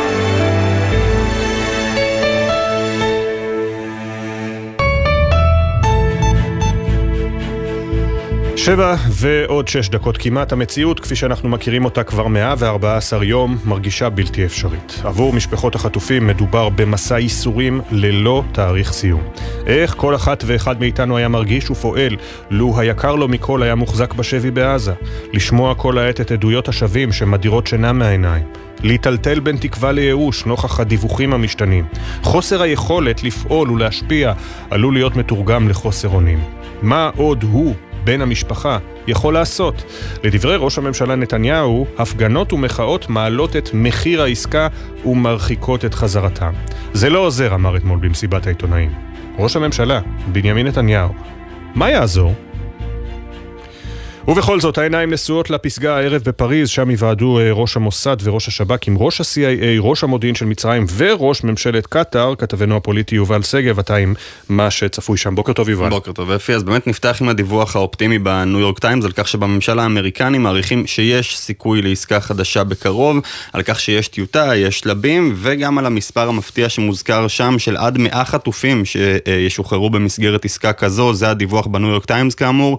הגורמים הישראלים זהירים הרבה יותר, בינתיים לפחות אפי בצדק, כי עוד לא התקבל איזשהו מסר של גמישות מארגון הטרור אה, חמאס. הגורמים הישראלים שהשתתפו היום בפגישה בפריז, ראש המוסד, ראש שב"כ, האלוף ניצן אלון, קיבלו גבולות גזרה לעסקה אפשרית אמנם, אחרי הדיון בקבינט המצומצם בחמישי, אבל מדברים שם על כמה עשרות חטופים כמספר ריאלי, לא חושבים שיש מה לדבר על שחרור כל החטופים, כי חמאס פשוט לא יסכים לעסקה שכזו, ירצה להשאיר אצלו לפחות חלק מהחטופים עד סוף המלחמה. עוד בהקשר הזה, לפי המתיחות המדינית מול מצרים וקטאר שממשיכה להתרחב, ראינו אתמול את ראש הממשלה נתניהו אומר שהוא לא חוזר בו מהדברים שאמר על הקטרים ושהצליחו להרגיז אה, אותם, עדיין לא ברור, צריך להגיד, מה האסטרטגיה של ישראל, גם מול הקטרים, גם מול המצרים, כשהדברים האלה מתנהלים בהדלפות, במענה לשאלות ולא כאיזושהי מדיניות מוסדרת. בכל מקרה, וגם זה יעלה היום, מצפים כאן בארץ מהאמריקנים להיות אלה שמפעילים את הלחץ על קטאר, מדינה שכמובן צריכה מאוד את הקשר עם ארצות הברית, כדי לגלגל את הלחץ הזה לראשי חמאס. סביר שהלילה נדע קצת יותר האם אותו דיווח בניו יורק טיימס ריאלי, אחרי תום הפגישה. תודה יובל, תודה. ונחזור אליך בהמשך גם עם דברי ראש הממשלה בעניין ההפגנות. יד אחת מחזיקה מטריה, השנייה תמונת חטוף, אחד מבין 136. הגשם ומזג האוויר החורפי לא עצרו אמש את משפחות החטופים, אנחנו נשמע את הדיווח על כך בהמשך. השאלה היא... אה, בין היתר, מה הוביל להתקדמות לפי הדיווחים הרבים, אחד מהם בניו יורק טיימס במגעים לשחרור חטופים? במערכת הביטחון סבורים כי ההתקפה על מערב ח'אן יונס ועל מחנה הפליטים ח'אן יונס בשבוע החולף תרמה לשינוי חיובי בעמדת חמאס בעסקה. דורון קדוש כתבנו לענייני צבא וביטחון, אתה מביא הבוקר את הפרטים, בוקר טוב. בוקר טוב אפי, כן, ההתקפה על מערב ח'אן יונס נמשכת כבר כשבוע ימים, מאות מחבלים חוסלו בשבוע הזה, יותר ממאה נכנעו, ויש כאן סימנים של ממש ללחץ הולך וגובר על הנהגת חמאס, ובמערכת הביטחון סבורים שיש קשר בין הפעולה הצבאית הזו, שממוקדת במחנה הפליטים של ח'אן יונס, לבין התזוזות שאנחנו עדים להן בימים האחרונים. בכל הנוגע לעסקת חטופים. ובדיוק בהמשך לדברים של יובל, אותו דיווח בניו יורק טיימס על עסקה שנראה שהולכת ומתגבשת לאט לאט, אותו שינוי שאפשר לזהות בהלך הרוח, אומרים במערכת הביטחון, הלחץ הצבאי שהגברנו בשבוע האחרון בהתקפה הזו, הביא לשינויים בעמדת חמאס, בעמדתו של סינואר, ויצר סיכויים טובים יותר לעסקה. ועדיין אפי, צריך גם לומר, אין עדיין פריצת דרך, אי אפשר לדווח לצערנו על התקרבות משמעותית בין הצדדים, אבל סימנים של אופטימיות אפשר להגיד שיש. ודורון, אתה גם מדווח שבצה"ל מעריכים כי גם אם חלק מהנהגת חמאס הצליחו לברוח דרומה לכיוון רפיח, עדיין יש בכירים שנותרו בח'אן יונס. נכון, תראה אפי, התמרון הקרקעי העצים בח'אן יונס נמשך כבר קרוב לחודשיים עם היקף כוחות גדול, ובמערכת הביטחון מסמנים עוד מספר שבועות שהפעולה הזאת תימשך בסדר הגודל הזה, עד שגם ח'אן יונס תעבור למה שנקרא שלב ג'.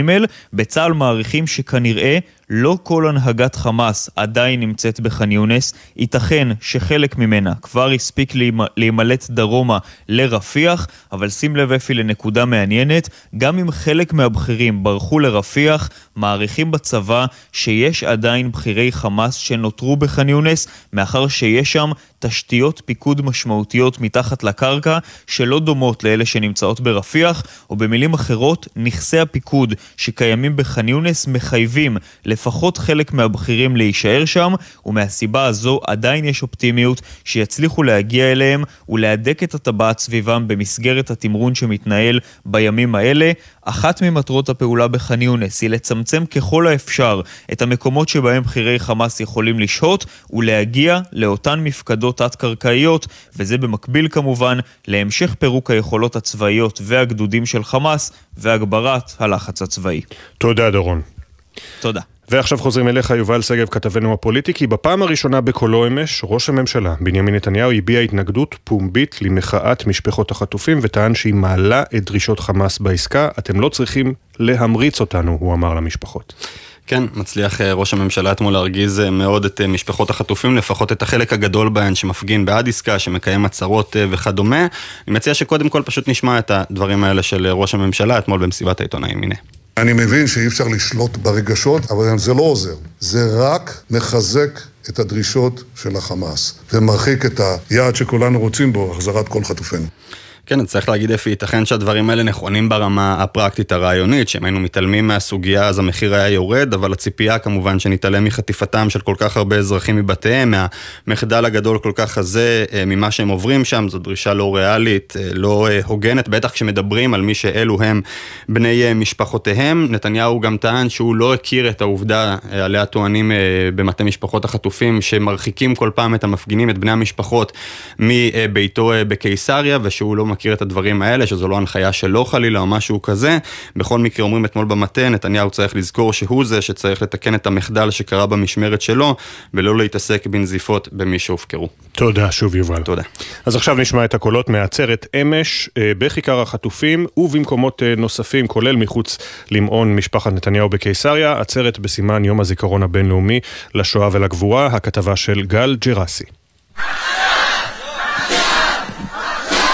לעולם לא עוד, זה עכשיו.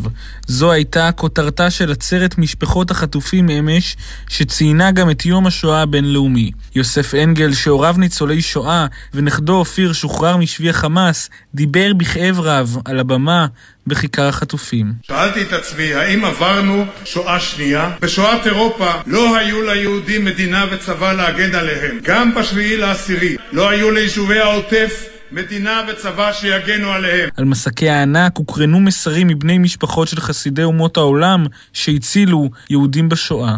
Just as we help people against the Nazis, you too can help and save the kidnapped with information or in any other way. בדיוק כפי שעזרנו לאנשים נגד הנאצים, גם תושבי עזה יכולים לעזור ולהציל את החטופים במידע או בכל דרך אחרת, אמרה איגה, שמשפחתה החביאה יהודים רבים בביתם שהיה סמוך לגטו קובנה בליטא.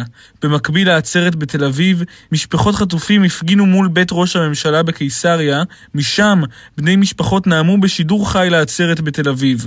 עלי אלזיאדנה, אחיו של יוסף אלזיאדנה ודודו של חמזה, שנחטפו מחולית, בחר לפתוח את דבריו בפסוק מהקוראן. بسم الله والحمد لله والصلاة والسلام على رسول الله صلى الله عليه وسلم قال الله تعالى إن بعد العسر يسر הפירוש של מה שאמרתי, אחרי כל דבר קשה יבוא הקל. 136 הארונות זה לא תמונת ניצחון אדון ביבי נתניהו. אם תקבל את ההחלטה הנכונה תהיה מנהיג שייזכר לדורות. על הבמה ברחבת מוזיאון תל אביב הגיבו במטה המשפחות על דברי ראש הממשלה, לפיהם ההפגנות של המשפחות מחזקות את החמאס. אם זה היה הילדים שלכם, הייתם רצים כאן מסביב לקריה בעירום בשביל להחזיר אותם. ולכן אין לכם זכות להגיד על המשפחות שום דבר נגד העניין הזה. אירוע נוסף התקיים בתל אביב אמש, מאות מחו נגד הממשלה בקריאה להקדים את הבחירות,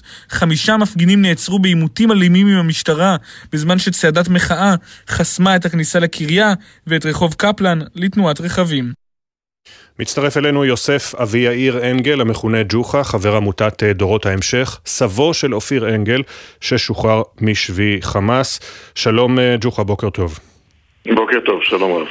נאמת אמש בעצרת, ספר לנו על הקשר הזה המיוחד בין יום הזיכרון הבינלאומי לשואה שצוין אמש לבין המאבק הקשה של משפחות החטופים. כן, היו שני, שני דברים מאוד מאוד דומים. אחד בשואה היה עם שרצה להרוג את כל היהודים.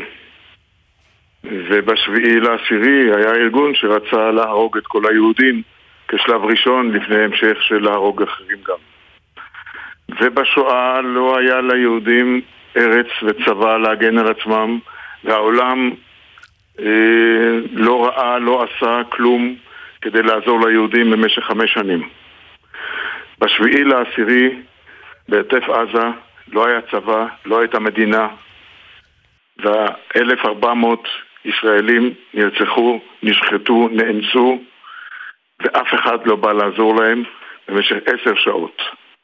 ולי, עבורי, היום הזה הזכיר לי מאוד מאוד את מה שקרה בשואה. אני מתמחה בנושאי שואה, אני מרצה על נושא שואה ותקומה בבתי ספר במערכת החינוך. הנכד שלי היה שם. Mm-hmm. וגם מהקשר שהיה לנו איתו במהלך הבוקר, שבמשך שעות הוא שולח וואטסאפים על יותר ויותר פחד ויותר ויותר זה, ואין צבא ואין אף אחד שבא לעזור להם. זה פשוט בלתי הגיוני, איום ונורא. אי אפשר לתאר את זה, אי אפשר לתאר את ההרגשה. ואנחנו נמשך כבר 114 יום. הסיפור הזה הוא בלתי נתפס, לא היה דבר כזה בעולם, מעולם. ונראה כאילו, כבר מההתחלה אגב, שהייתי פעם בכנסת, אחד הימים בכנסת המנהיגים שלנו מנותקים, לא מבינים בכלל מה עובר על מאה, משפ... מאה ומשהו משפחות, לא מבינים את העניין הזה. אז הנה, ראש הממשלה אתמול אמר שהמאבק שלכם, של המשפחות, פוגע, מעלה את המחיר של חמאס, אתה יכול להבין את הדברים האלה? ראש הממשלה היה צריך אחרי שלושה ימים לעזוב את כיסאו מכיוון שהוא האשם העיקרי בכל הסיפור הזה, הוא פיתם את החמאס, הייתה לו קונספציה שהוא ייתן כמה שיותר כסף לחמאס, הוא לא הקפיד מה עושים על הכסף. ובכסף במקום לתת לשני מיליון עזתים מסכנים עניים עד רגע זה, בנו מפעל רצח ענק בתוך האדמה של הרצועה, מה שנמצא עכשיו, שכבר 114 יום צה"ל נלחם שם ועדיין לא רואים את הסוף של המלחמה הזאת, עוד לא היה דברים כאלה. אני הייתי במלחמת יום כיפור חייל 19 ימים עם כל ההפתעות שהיו. 19 ימים סיימנו את העניין. 117 יום. ראש הממשלה מתבייש על איך שהוא מדבר אל משפחות החטופים. עושה רושם סלח לי שאני אומר את זה, יסלחו לי הצופ... המאזינים שאני אומר את זה, עושה רושם שמההתחלה הוא מורח את הסיפור הזה כדי לדחות את המשפט שלו.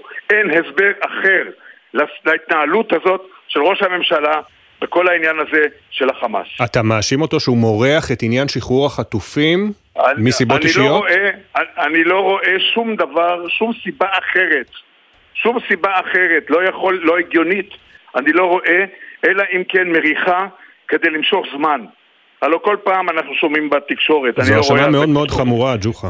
אה, מה לעשות? מה אני יכול לעשות? האשמה חמורה שיש עוד אה, 100 ו... שה- שהנכד שלי היה 54 ימים התמימות, ילד בן 16, בן 18 הלך לבקר חברה שלו וישב 54 יום בחמאס שם באיזה תנאים לא נורמליים ואבא של החברה שלו היה איתו ביחד 54 יום ואחרי 106 ימים נרצח מה זה האשמה? מי אשם לזה? אלוהים אשם לזה, מי אשם לזה? עכשיו עם כל הוויכוח הזה עם אונר"א מי נתן לאונר"א כל הזמן להביס אותם ולתחזק את החמאס שם? מי שמע על זה שארגון, אה, ש- שפליטים מקבלים דור רביעי כבר סיוע אה, על, כפליטים? המדינה לא עושה שום דבר בדברים האלה. מי פיטם את החמאס כל הזמן? מי אה, אפשר לחמאס להעביר כספים בלי סוף לחמאס ולא דאג לזה שהכספים יגיעו לאן שיגיעו? אותו כנ"ל עכשיו עם המשאיות אוכל. מי דואג לזה שמשאיות האוכל יגיעו לאזרחים ולא החמאס ישלוט בהם ולא החמאס ימלא את המכלים שלו בדלק ואת המחסנים בקמח כדי למכור את זה אחר כך בהון תועפות למסכנים שיושבים שם וכל זה אנחנו אשמים ואת כל זה אנחנו אכלנו אותה בשביעי לעשירי אה, מה פה, מי אחראי? מי היה ראש הממשלה פה? אני הייתי ראש ממשלה, מי היה ראש הממשלה במדינה הזאת? מי ניהל את המדינה? ג'וחה, אני רוצה לשאול אותך, מה שלום אופיר? עברו כבר אה, 55, כמעט 60 אופיר- יום מאז ששוחרר. אופיר ברוך השם בסדר. אה, המזל הגדול שלו, שלא נגעו בו פיזית, רק נפשית. והוא אה, ילד חכם שאמר, אני, מהרגע הראשון הוא אמר, אני לא מקשיב למה שהם אומרים לי. אני יודע שהם יעבדו עליי, אני לא מקשיב למה שהם אומרים לי. אבל איך שאחרי שימים שהוא ניסה להשתקם ולראות, פתאום הוא מקבל את ההודעה שהאבא של החברה שלו נרצח. כן. אז יושבים שבעה. אז הכל חוזר בחזרה. אז בשמחה נורא גדולה שאופיר כאן, אבל נורא גדול למשפחה, שאבא ועוד אח של האבא אה, חטוף אחרי שאשתו ושתי בנותיו נרצחו בצורה איומה. מה, מה צריכה משפחה לחשוב? מה צריכה משפחה לחשוב? אין לה בית, אין לה כלום. אלה, אלה יושבים בים המלח כבר חודשים, אין להם שום עתיד, לא נראה להם שום עתיד במצב הזה. 114 יום עברנו מאז. זה לא עניין של מה בכך, עוד לא יודעים מתי הסוף. מדברים על 2025. יושבים עשרות משפחות. איזה, מ, מי, מ, איזה, איזה מנהיג ציוני היה מעלה בדעתו אי פעם לפנות עשרה קילומטר מגבול על צפון אה, מאות, אה, עשרות יישובים ומאות אלפי אנשים, או 100, 150 אלף איש, כדי, כי חיזבאללה שמישהו דאג לזה שיהיה כזה חזק שם מעבר לצ- לצד השני. מישהו לא עשה כלום. ריבונו של עולם, אנחנו פותחים, נפתח את העיניים. ומצד שני, יש לנו את העולם שעומד בשקט. אני נותן הרבה מאוד רעיונות לתקשורת אה, זרה, ומכל ה- מכל העיתונאים, אני, הם מתחילים לדבר איתי מהשמיני לחודש. כמה, כמה ילדי עזה מסכנים? מה אני אומר על כך שילדי עזה המסכנים? אני שואל אותם, מה קרה בשביעי לחודש? אתם זוכרים? למה אתם מדלגים על היום הזה? כל ההסברה של מדינת ישראל בחוץ לארץ זה אפס אחד גדול, נורא ואיום. אני בקשר עם הרבה חברים בחוץ לארץ, נורא ואיום. לא יודעים, בעולם לא יודעים מה קרה בשביעי לחודש. יוסף אה, אבי יאיר אנגל, ג'וחה, סבו של אופיר אנגל ששוחרר משבי חמאס, חבר עמותת אה, דורות ההמשך, תודה רבה שדיברת איתנו. כל טוב, יום טוב. יום טוב, שבוע טוב. ואפרופו אה, בעיית ההסברה והעולם שעומד מנגד, אה, אנחנו עם אה, סיפור הקפאת הכספים לאונר"א והתפתחות של הדקות האחרונות. מזכ"ל האו"ם, אנטוניו גוטרש, בהודעה כתובה, קורא לכל המדינות שהודיעו על הקפאת המימון לחזור בהן. שחר קנוטובסקי, כתבת חדשות החוץ, מצטרפת אליי באולפן. שלום שחר. שלום אה, אפי, אז באמת באונר"א אה, קמים הבוקר ללא התמיכה של תשע מהמדינות הגדולות. והמשפיעות אה, בעולם, ובאמת מזכ"ל האו"ם אנטוניו גוטרש קורא הבוקר לתשע המדינות שהכריזו על, על חרם, בעקבות... אה, הוא קורא להן בעצם לחזור בהן, הוא אומר, האו"ם, קודם כל הוא מרגיע, האו"ם נוקט בפעולות מהירות בעקבות ההאשמות החמורות נגד 12 אנשי צוות בארגון שעל פי החשד השתתפו בטבח השבעה באוקטובר. הוא אומר שתשעה מהם כבר זוהו באופן מיידי והושעו בעצם על ידי הנציב הכללי. הוא אומר, כל, כל עובד שמעורב בארגון טרור יישא באחריות, הוא עמד לדין פלילי, אבל הוא אומר, אף על פי שאני מבין את החששות האלה, אני פונה בתוקף לאותן ממשלות שהשעו את התרומות שלהן, להבטיח לפחות את המשך הפעילות של אונר"א. הוא מסביר בעצם שהפסקת המימון מסכנת את האזרחים בעזה ולא את, ולא את אלו שבעצם ביצעו את הטבח. הוא אומר, אין להעניש את עשרות אלפי הגברים והנשים שעובדים עבור אונר"א, רבים מהם במצב מסוכן ביותר. נזכיר רק באמת שהמדינות שהשעו אתמול את, בימים האחרונים בעצם את, את הסיוע שלהן היו אוסטרליה, איטליה, פינלנד, בריטניה, הולנד, סקוטלנד וגרמניה שהודיעו על הפסקת המימון.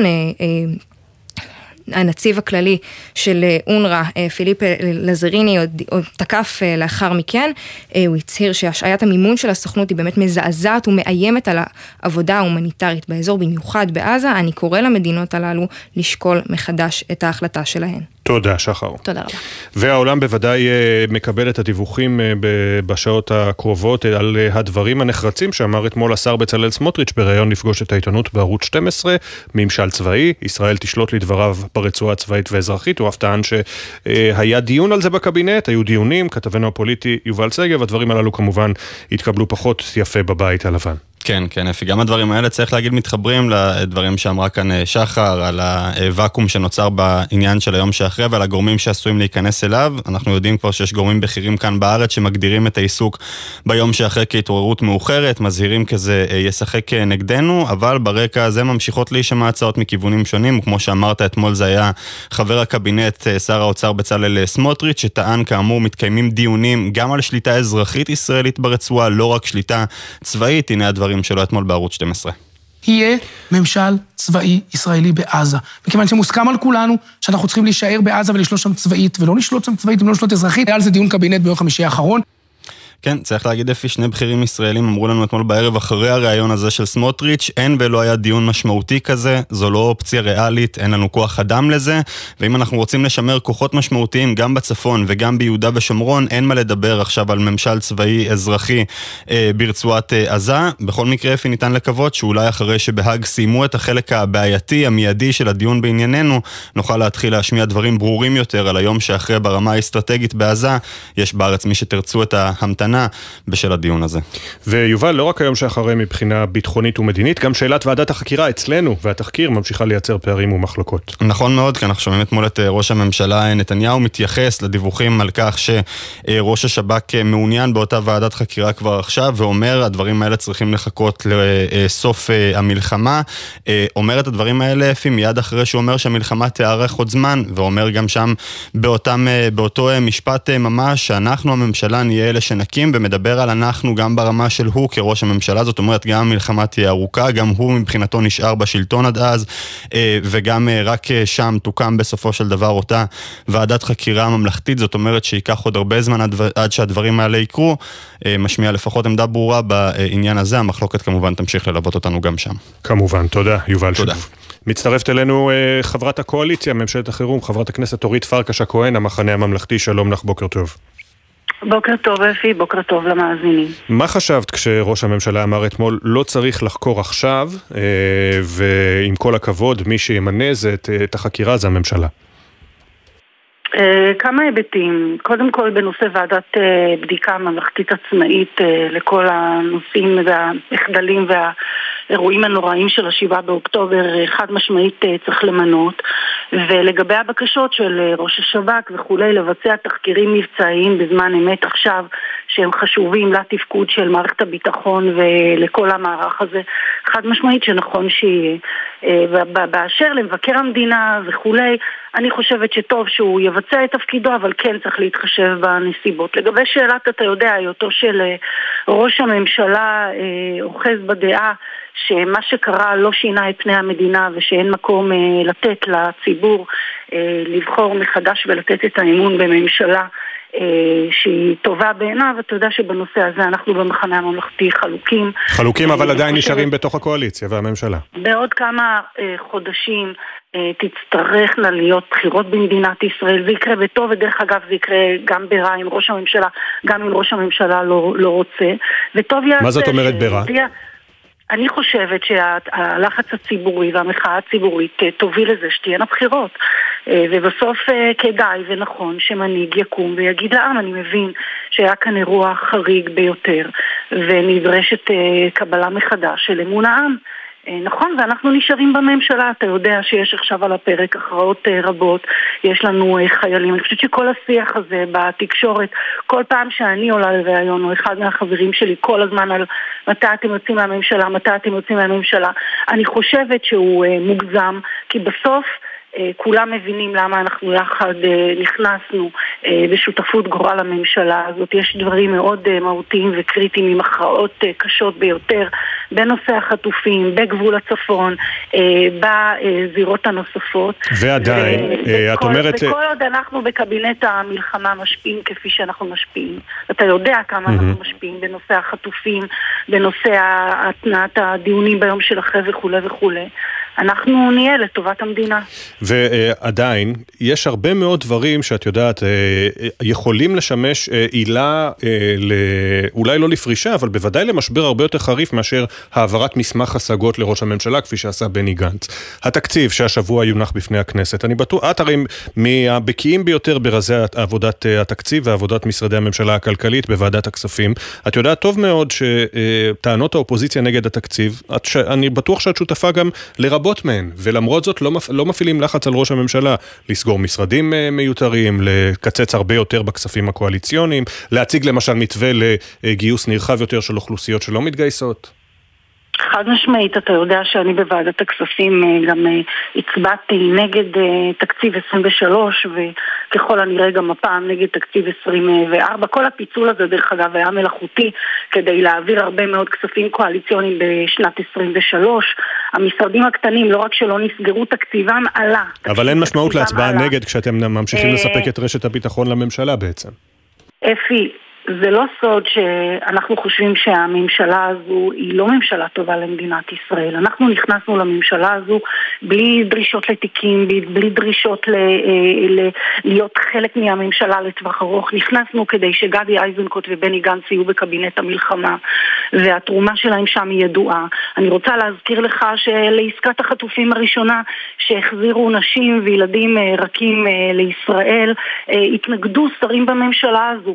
אני רוצה להזכיר לך שבבית הדין בהאג, בגלל שלצערנו נדרשת בשביל כאילו לטעון נושא של ג'נוסייד ורצח עם, צריך להראות כוונה, השתמשו בהרבה מאוד אמירות של שרים וחברים בממשלה הזו.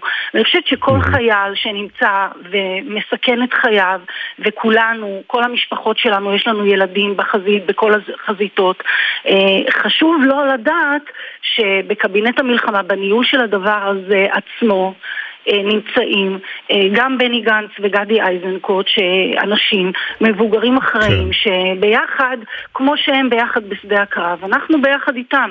אני משוכנעת בזה, אתה יודע, רק mm-hmm. השבוע דיבר איתי בחור שיצא ממאה ימי לחימה ואמר לי, את לא יודעת מה זה עשה לנו כשישבנו בטנקים ושמענו שנכנסתם לממשלה. לצערי אנחנו לא בסוף המערכה הזאת. כן, לא בסוף המערכה, אבל לנו... כן, מה דעתך למשל על מה שאמר אתמול ראש הממשלה, לראשונה באופן פומבי, אה, מחאת משפחות החטופים מזיקה אה, ותורמת לחמאס.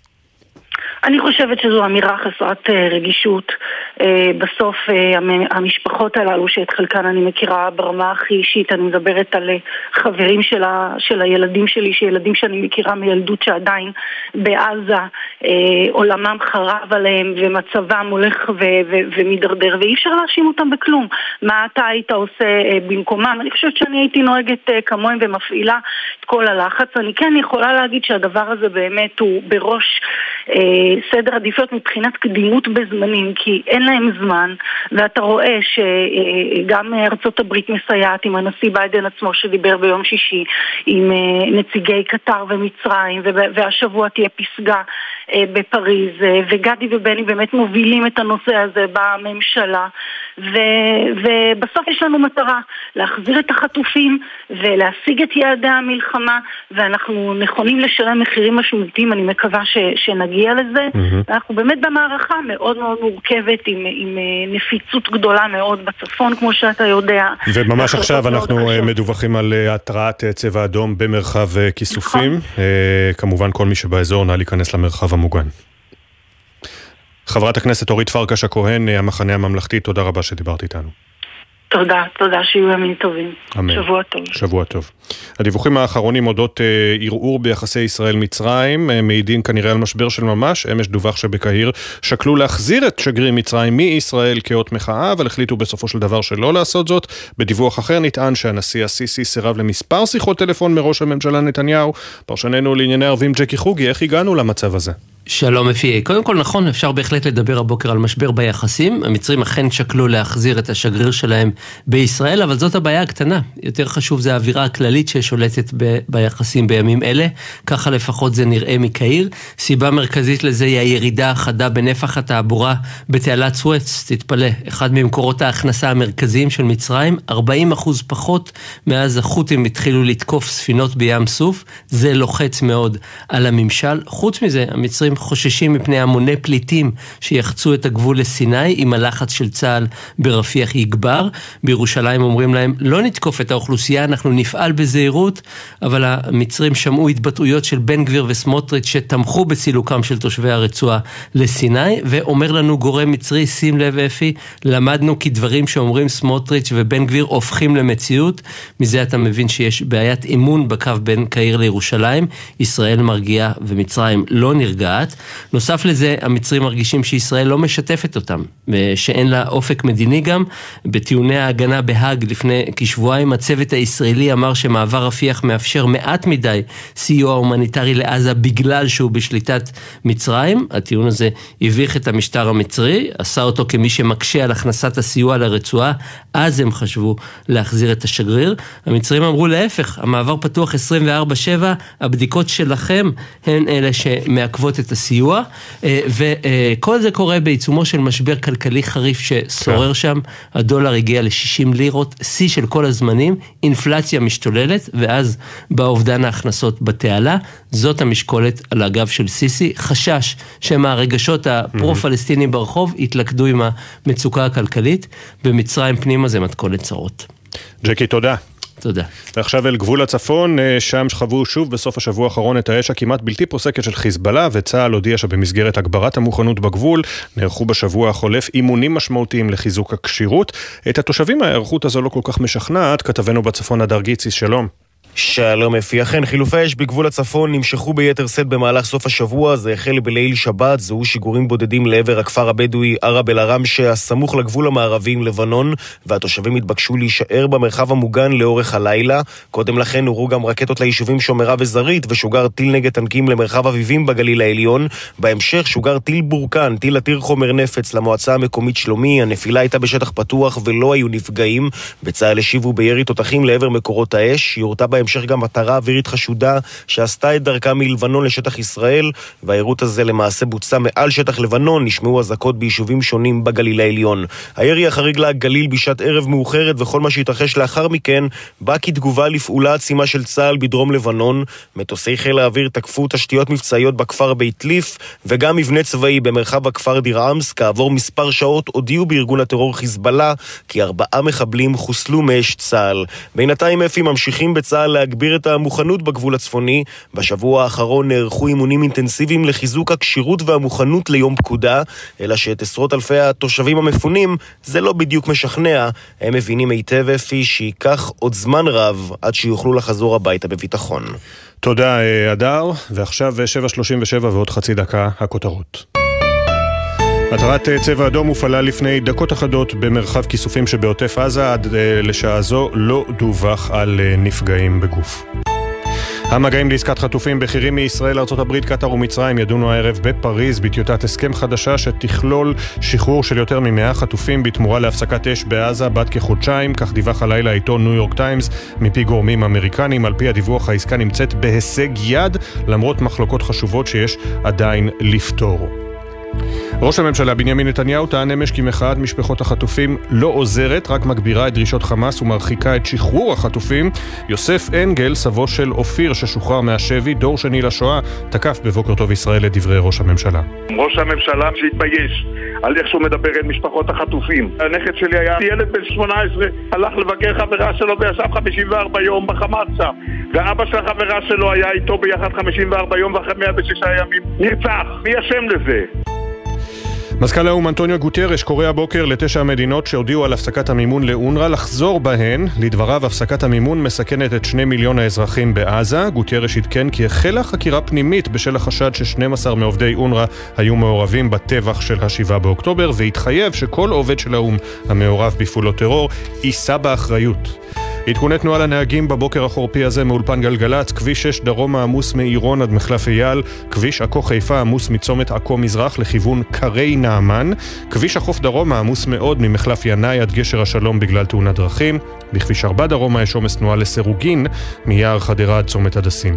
מזג האוויר בצפון הארץ ובמרכזה יימשך הגשם המקומי ואפילו תיתכן אסופות רעמים יחידות ובחרמון ירד שלג. בעשרה לשמונה יהיה כאן אפי בן אברהם מפינת התרבות, אחריו עידן קבלר עם הספורט. נצא להפסקה קצרה ואחריה שי ישראל שוחח עם ליאת אצילי, אלמנתו של אביו, זיכרונו לברכה, שהתבשרה על מותו שעות בודדות אחרי ששוחררה מהשבי בעצמה. בוקר טוב ישראל, מיד חוזרים.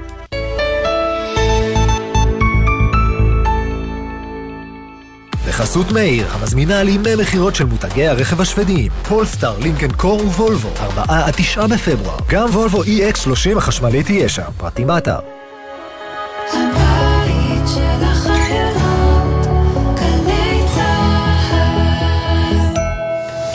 אחינו כל בית ישראל, הנתונים בצרה ובשביה, העומדים בין בים ובין ביבשה, המקום ירחם עליהם ויוציאם מצרה לרווחה, ומאפלה לאורה, ומשעבוד לגאולה, השתה בעגלה ובזמן קריב, ונאמר אמן. כולנו מייחלים עם הרב ישראל מאיר לאו להשבת החטופים במהרה ובשלום. משעבוד לגאולה, מאפלה לאורה. הגרלת דירה בהנחה חדשה על אלפי דירות בכל רחבי הארץ. כי הבית שלנו הוא פה. גם פה. פה. וגם פה. ובכל מקום בארצנו מהצפון ועד הדרום. במיוחד היום. ממשיכים לבנות דירות ומניעים את ישראל קדימה. חפשו בגוגל דירה בהנחה, הרשמו להגרלה, ויחד ננצח, ונמשיך לבנות את הבית. משרד הבינוי והשיכון ורשות מקרקעי ישראל. כפוף התקנון. עמיתי מועדון חבר, דגמי יונדאי 2024 מבית קולמוביל, בהטבות ייחודיות השמורות רק לכם, עד 23 בפברואר. לפרטים, כוכבית 3805, או באתר מועדון חבר. בתקווה לימים שקטים יותר. זה הכל בשבילך,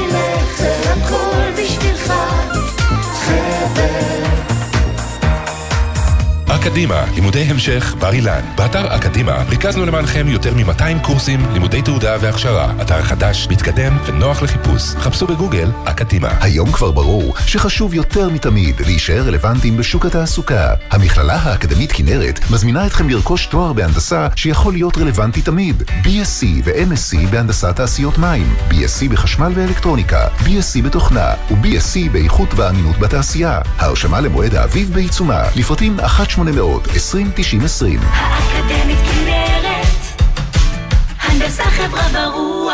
בעת הזאת כולנו זקוקים לרוח.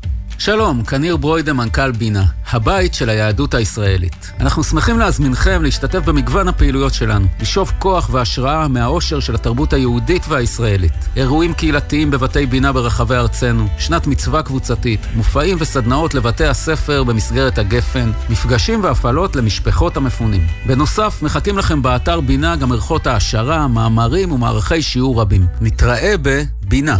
עכשיו בגלי צה"ל, אפי טריגר, עם בוקר טוב ישראל.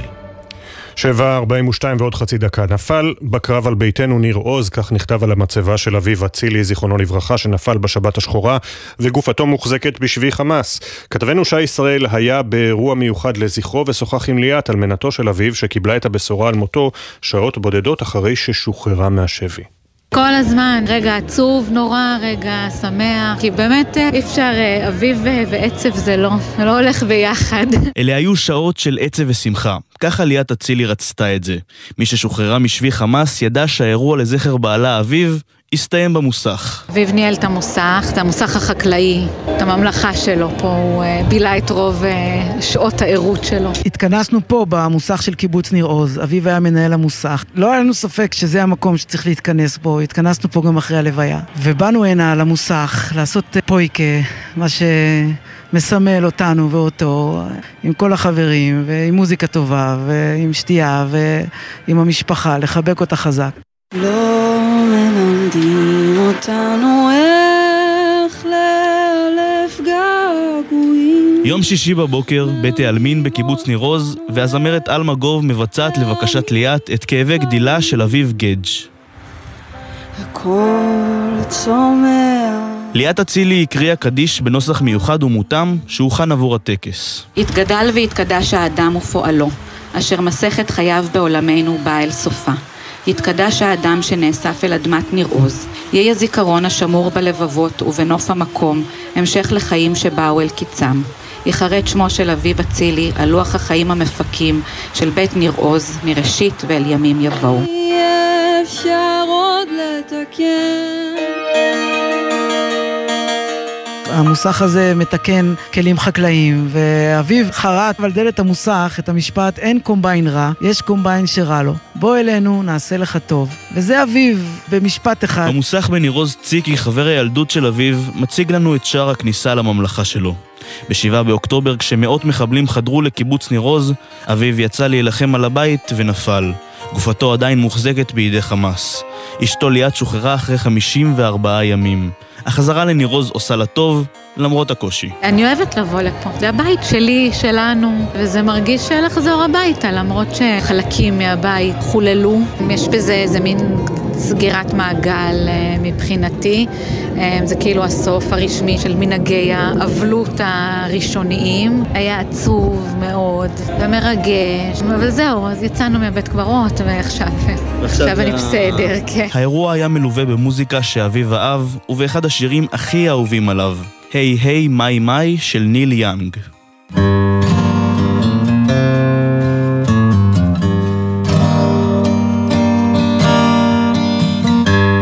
אביב נורא אהב אה, מוזיקה, הוא תמיד, אה, כאילו, הוא היה מסוג האנשים שלא משנה מה הוא עושה, איפה הוא נמצא, מוזיקה, ואני ממש ממש לא, אבל גם לכולנו איכשהו מוזיקה, שירים שהוא אהב, איזושהי דרך אה, להתחבר אליו ולהרגיש את הנוכחות שלו ולהרגיש שהוא איתנו. קילומטרים בודדים מהלחימה ובמשך שעות ארוכות, עשרות חברי ניר עוז, משפחה והחברים של אביו, סוג של החיו את הקיבוץ. המקום הזה חייב לקום לתחייה, והיום אה, הארנו אותו קצת מהתרדמת העצובה שנפלה עליו, והבאנו קצת שמחה על המקום הזה שהוא הבית שלנו. היה לנו באמת חשוב לעשות את זה כאן, במקום של אביב. החיסרון שלו הוא הכי עצוב בעולם, אבל אה, כל פעם שאני חושבת עליו, אז עם חיוך ועם עם מחשבה ככה על, על הבן אדם שהוא היה, שזה מה שהוא היה רוצה שיהיה. עכשיו אה, לסיפור הזה, יותר מאלף נערים במכינות ושנות שירות התגייסו מוקדם יותר מהמתוכנן, זאת לעומת פחות מ-150 נערים בישיבות הסדר. כתבתנו לענייני חינוך יובל מילר, את מדווחת הבוקר על עתירה לבג"ץ בנושא, בוקר טוב. בוקר טוב, אפי. תנועת אמהות בחזית תעתור הבוקר לבג"ץ ותבקש להוציא צו ביניים בדרישה למנוע את הקדמת גיוסם של 1,250 נערים בשנת שירות ובמכינות, מרביתם בשנה הראשונה, במקביל לגיוס מוקדם של כ-140 נערים בלבד מישיבות ההסדר ומהישיבות הגבוהות. ראשי המכינות עודכנו בחודשים האחרונים על כך שצפוי להיות גיוס מוקדם והם הודיעו לצבא שהם יהיו נכונים לסייע, אך לכשנודע על הפילוח של המספרים בכנס שהתקיים ביום שני בשבוע שעבר, ראשי המכינות המכינות ושנות השירות כמעט כולם יצאו במחאה. מדובר בכ-90% ממחזור הגיוס במכינות ומשנות השירות כשגיוסם יוקדם, כשמרביתם כאמור בשנה הראשונה, בעוד רק כ-10% מישיבות ההסדר והישיבות הגבוהות. מחזור הגיוס הקרוב אמור להיות כבר בחודש מרץ, ישנם כבר נערים שאנחנו יודעים שקיבלו צו מצה"ל המורה על הקדמת הגיוס שלהם. תנועת אמהות בחזית שבה חברות כ-15 אלף אמהות לחיילים וחיילות הגישה עתירה לבג"ץ לפני כחצי שנה נגד אי אכיפת החוק לגיוס חרדים והדיון בעתירה הזו צפוי להתקיים ב-26 בפברואר. היום יעתרו שוב לבג"ץ בבקשה למנוע את הוראת הצבא לגיוס מוקדם ולטענתם גם לא שוויוני. ביום חמישי גם בכנסת צפויים לדון בנושא בוועדת חוץ וביטחון. ומדובר צה"ל נמסר בתגובה, היקפי ההקדמה בכל מסלול מושפעים מתמונת המצב המבצעית, ממאפייניו הייחודיים של המסלול, מהתקדמות הניהול הכולל של מקורות הגיוס ומיכולות ההכשרה בכל מחזור. עכשיו, הדס שטייף, קריית שמונה, מטבח, הנה הכתבה. בקריית שמונה, בסמטת רחוב קטנה באזור התעשייה הישן, פועל מטבח יוצא דופן מאז יומה הראשון של המלחמה. מטבח השייך לעמותה אור הגליל לכל העמים. בין 500 ל-700 מנות, מכינים מדי יום במטבח המיוחד הזה, מתנדבים שמגיעים אליו מכל העולם. ישראל, יושב ראש העמותה. המתנדבים, יש לנו מגרמניה, יש לנו מדרום קוריאה, יש לנו מקנדה, זה יונתן הוא השף, הוא בעל המסעדה שהתחיל את כל הסיפור הזה. מהמתנדבים מוסיף ישראל. אוונגליסטים שאוהבים את ישראל ורוצים לעזור לחיילים. הם גם מביאים תרומות, הם גם מביאים את עצמם, הם פשוט קונים כרטיס טיסה והם באים פה לחתוך בצל ועגבניות. איך הכל התחיל? השף יונתן מספר שפתח מסעדה ממש לפני המלחמה ונשאר בלי לקוחות. כיוון שהבין שחיילים מגיעים ומחפשים אוכל, עבר לאולם העמותה של אביו, והיה בהלם לגלות שהמתנדבים והתרומות זורמות וזורמים. אף פעם לא חשבתי שזה יגיע לכזה גודל, אבל אנשים באים, שומעים עלינו מארצות הברית, ובאים במיוחד רק לבשל. לחתוך גזר ועגבניות לשבועיים. לאט לאט, כל פעם שמתנדב הולך, יש שתיים שלוש שמגיעים. אז היה לנו תקופה של הרבה אמריקאים. עכשיו אנחנו בתקופה של הרבה גרמנים. והלוחמים והלוחמות מגיעים כל יום לקחת אוכל. לוחמת שהגיעה למקום המיוחד הזה כבר בהתחלה, אומרת, הם הצילו אותנו. ממש בתחילת המלחמה היה בלאגן, כאילו לא היה איזון וכאילו ניסינו באמת לתפקיד כמה שיותר תוך כדי הלחימה, תוך כדי החרדה וההתמודדות והחיילים והפיקוד. דיברנו עם מי שאפשר לדבר והם הגיעו אלינו ואמרו לנו תקשיבו אנחנו כאן מסעדה שפתחה לפני המלחמה ואנחנו ממש רוצים לתרום והם פשוט הצילו אותנו ברמה כזאת. הצבא צועד על קיבתו ואם אפשר גם סושי והשף במטבח המצוחצח יוצא הדופן אומר, זאת התרומה שלי למלחמה הזאת. כל זמן שהמתנדבים יגיעו, אנחנו נמשיך ונבשל. הגענו אל פינת התרבות. אפי בן אברהם, בוקר טוב. לך אפי, הבוקר בפינת התרבות יש לנו לפחות סיבה אחת להיות גאים בעצמנו. Plus bon temps, t'as plus le temps de faire l'enfant, de faire que la fête, t'as plus d'argent. אז אחרי שבחודשים האחרונים נשמעו באירופה קריאות להחרים את ישראל באירוויזיון הקרוב במלמו, שוודיה, נציגה ישראלית אחת בתחרות כבר יש לנו. הזמרת הישראלית טלי גולרגן, שנבחרה אמש לייצג את לוקסמבורג בתחרות. I have no words. This is insane. I can't believe I'm holding this right now. I, I'm so thankful. I, I have no words. Everyone is amazing. I can't believe that this is me holding it. My whole life is going to change. אין מילים. זה משוגע לגמרי, אומרת טלי גולרגנט. אני לא מאמינה שאני מחזיקה את זה עכשיו, את הפרס. אני אסירת תודה, כל החיים שלי הולכים להשתנות. וואו. גולרגנט בת ה-23 עלתה על הבמה אמש לשיר את השיר פייטר, בעוד משפחתה נמצאת בארץ, ואחיה... הוא הפייטר האמיתי במשפחה, לוחם ברצועת עזה. כתבת התרבות שלנו, מאיה קרן, מוסיפה כי היא לא היחידה שייצגה אותנו באירוע. בצוות ההפקה של המשדר הלוקסמבורגי השתתפו ישראלים נוספים, ביניהם המפיקה הראשית טלי אשכולי, במאי המופע משה קפטן והקוריאוגרפית מור חממי.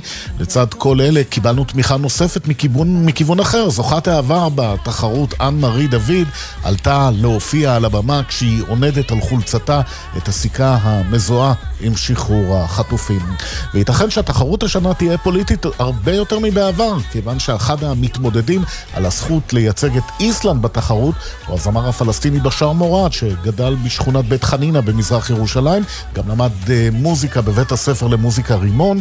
ברעיונות עבר שלו השמיע מורד ביקורת חריפה על פעולות צה"ל בשטחים. רשות השידור באיסלנד טרם הכריעה אם תשתתף השנה בתחרות, וזאת בעקבות אה, קולות שהשמיעו אמנים רבים במדינה להחרים את האירוויזיון אם ישראל תשתתף בו. הנציג הישראלי לאירוויזיון, דרך אגב, הוא ייבחר ביום שלישי הבא בגמר התוכנית הכוכב הבא לאירוויזיון. אנחנו ממשיכים מכאן לקולנוע, לסרט חדש שיצר הבמאי הבריטי המוערך מייקל וינטרבוטון, הסרט שושנה, שמספר את סיפור אהבתם של שושנה בורוכוב היהודייה ותום ווילקין הבריטי, זה קורה בשנות ה-30, בתקופה ה-30, בתקופה בה שלט המנדט הבריטי בישראל. באמצעות העלילה יוצר הבמאי הקבלה, או לפחות מעלה תהיות על השוני והדמיון בין המאבק של המחתרות היהודיות בבריטים אז, למאבק שמנהלים כיום ארגוני הטרור הפלסטינים נגד ישראל. אורי כספרי, כתבנו, צפה בסרט. לצערנו אנחנו לא נוכל לשמוע את הכתבה כי אה, אנחנו קצת חורגים בזמנים. תודה, אפי. ספורט עכשיו. ספורט עכשיו. אה, עידן קבלר איתנו. רגע, מיד אני פונה לעידן. בוקר טוב, עידן קבלר. בוקר טוב אפי, אז מי שלא רצה אותנו שם בגלל המלחמה, קיבל אותנו שם עם מדליית הזהב. הישג ענק לנבחרת ישראל באוקי קרח עד גיל 20, שזכתה אתמול במדליית הזהב באליפות העולם דרג ג' בבולגריה, לאחר שניצחה 4-1 את טורקיה והבטיחה את העפלתה לדרג ב'. נזכיר, כי הרי לא סתם אתם שומעים על זה בפתח פינת הספורט של יום ראשון בבוקר, רק לפני שבועיים, השתתפותה של הנבחרת בתחרות הייתה בכלל מוטלת בספק בשל החלטת איגוד האוקי הבינלאומי לאסור על נבחרת ישראל להתחרות בשל מה שהם כינו סיבות אבטחה. כך נשמעת אנטי-ציונות תוך כדי מלחמה. אז קפטן הנבחרת יובל טורנר שיתף בסיום המשחק על התחושה לייצג את ישראל במיוחד לאור האירועים הללו. זה מרגיש מדהים, לדעתי מה שעשינו פה פשוט הצליח להוכיח לכל העולם אחרת, ו... הדבר הכי טוב שיכולנו לעשות זה פשוט באמת לייצג את המדינה בכבוד ולנצח כל מה שיכולנו. זה הנבחרת שהבטיחה את זכייתה בזכות מאזן מושלם של ארבעה ניצחונות, תשחק היום את משחקה האחרון בטורניר מול מקסיקו בארבע וחצי אחר הצהריים. עוד משהו שקשור להוואי עמנו, והפעם בראייה אולי כלל עולמית, יום השואה הבינלאומי נערך אתמול, וקבוצות רבות באירופה ציינו את יום השואה הבינלאומי במיזם של הקונגרס היהודי העולמי. הקבוצות צולמו אוחזים בשלט עם הכיתוב We Remember, אנחנו זוכרים, רובן מהליגה הגרמנית, למשל דורטמונד, אה, ונירדמרג, שהיא בליגה השנייה הגרמנית, אה, וזו בעצם הוכחה להתגייסות של הכדורגל הגרמני, ולא בפעם הראשונה למען ישראל, גם איצטדיון טדי הואר אה, בכתובות דומות לרגל היום הזה. והנה, קורי וייס, מהקונגרס היהודי העולמי בניו יורק, שמספר על חשיבות העלמת המודעות, המודעות לאירועים הללו, במיוחד אחרי השבעה באוקטובר. That's why we're so deeply appreciative of the relationship that we've developed with sports teams around the world, particularly the likes of Borussia Dortmund and Bayern Munich and others across the Bundesliga and in leagues in other countries around the world. They can reach so many more people with just one post than any Jewish organization can possibly imagine. אומר קורי וייס, זה בדיוק הסיבה שבגינה אנחנו מעריכים מאוד את הקשר שאנחנו מפתחים עם קבוצות ספורט מסביב לעולם, כדוגמת ביירן מינכן אה, וקבוצות אה, דומות אחרות. הם יכולים להסב את תשומת ליבם של המונים ברשומה אחת ברשתות החברתיות, יותר ממה שכל ארגון יהודי יכול היה לדמיין. עכשיו לספורט של ממש על המגרש, סיבוב ח' בגביע המדינה, בין יתר העולות, הפועל באר שבע, שניצחה 1-0 את ביתר ירושלים משער של רותם חתואל, ואליניב ברדה, מאמן הקבוצה, ידע שהמשחק הזה יכול גם להימשך להערכה, ולשמחתו זה נגמר בדיוק אחרי 90 דקות. הוא היה חשוב לא להגיע להערכה, אבל אתה יודע, גביע זה גביע, וגם דיברנו עם השחקנים, אנחנו לא מתכוונים לשמור כוח, ולא מתכוונים אה, להיזהר, דיברו על צהובים או דברים כאלה, זה משחק של להיות או לחדול, גביע זה אי אפשר לתקן, לשמחתי גם הוא הסתיים ב-90 דקות, אבל זה יכל גם ללכת להערכה. נזכיר שפנדל שנראה לכאורה על פניו מאוד מוצדק עבור בית"ר ירושלים לא נשרק, אין ור בשלבים האלה של גביע המדינה, זה חלק מהמחירים הלכאוריים שמשלמות קבוצות.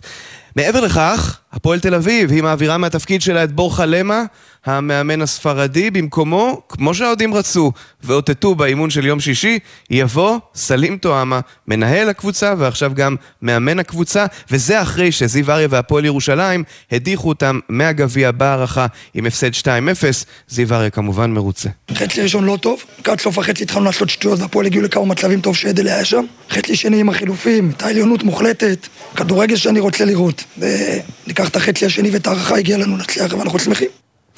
ובאירופה זעזוע גדול מאוד בברצלונה, אחרי שיורגן קלופ בליברפול הודיע, להפך, כן? אחרי הצלחה מאוד גדולה, שהוא עוזב בסוף העונה, הרי שצ'אבי הודיע מתוך תסכול גדול, כי הוא עוזב את ברצלונה, קלופ את ליברפול, צ'אבי את ברצלונה, וזה אחרי שברצלונה מפסידה 5-3 לוויה ריאל בקאמפ נואו.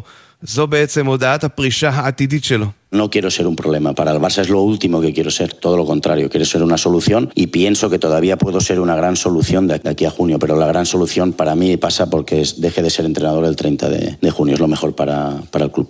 אומר צ'אבי, הדבר האחרון שאני רוצה זה להוות בעיה בשביל ברצלונה. ההפך הוא הנכון, אני רוצה להיות הפתרון, ואני חושב שאני יכול להיות כזה עד לחודש יוני, אבל הכי חשוב שב-30 ביוני אני עוזב את המועדון, וזה כבר יפתור לכולם את הבעיות. כך בברצלונה. לפני סיום אה, אפי נספר שבאוסטרליה זבלנקה היא הזוכה בגיל 25, זכייה שנייה ברציפות על כינון ז'אנג הסינית, וב-10 ו-30 שעון ישראל הגמר לגברים בין דלין מלוודב הרוסי ליניק סינר האיטלקי שהדיח כזכור את נובק ג'וקוביץ' ביום שישי האחרון. בכדורסל מכבי תל אביב ניצחה את נס ציונה די בקלות 97-73. עד כאן הספורט אפי, בוקר טוב. תודה. לפני סיום נמשיך במסורת שלנו שאנו מקווים שתסתיים במהרה. לא נפרדים לפני שנציין, הבוקר יש עדיין 136 חטופים בעזה עם בני משפחה שמחכים להם. אחד מהם הוא יגאל סרוסי, אביו של אלמוג שנחטף מהמסיבה ברעים. שלום, אני יגאל. אבא של אלמוג סרוסי, אלמוג נחטף מהמסיבה בנובה.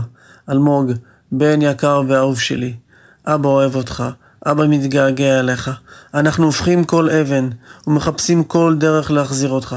מתפללים שבורא עולם ישחרר אותך, יגן וישמור עליך ועל כל החטופים. עוד קצת ואתה בבית. לא מפסיקים להיאבק עד שתחזור. כל בוקר נשבר הלב.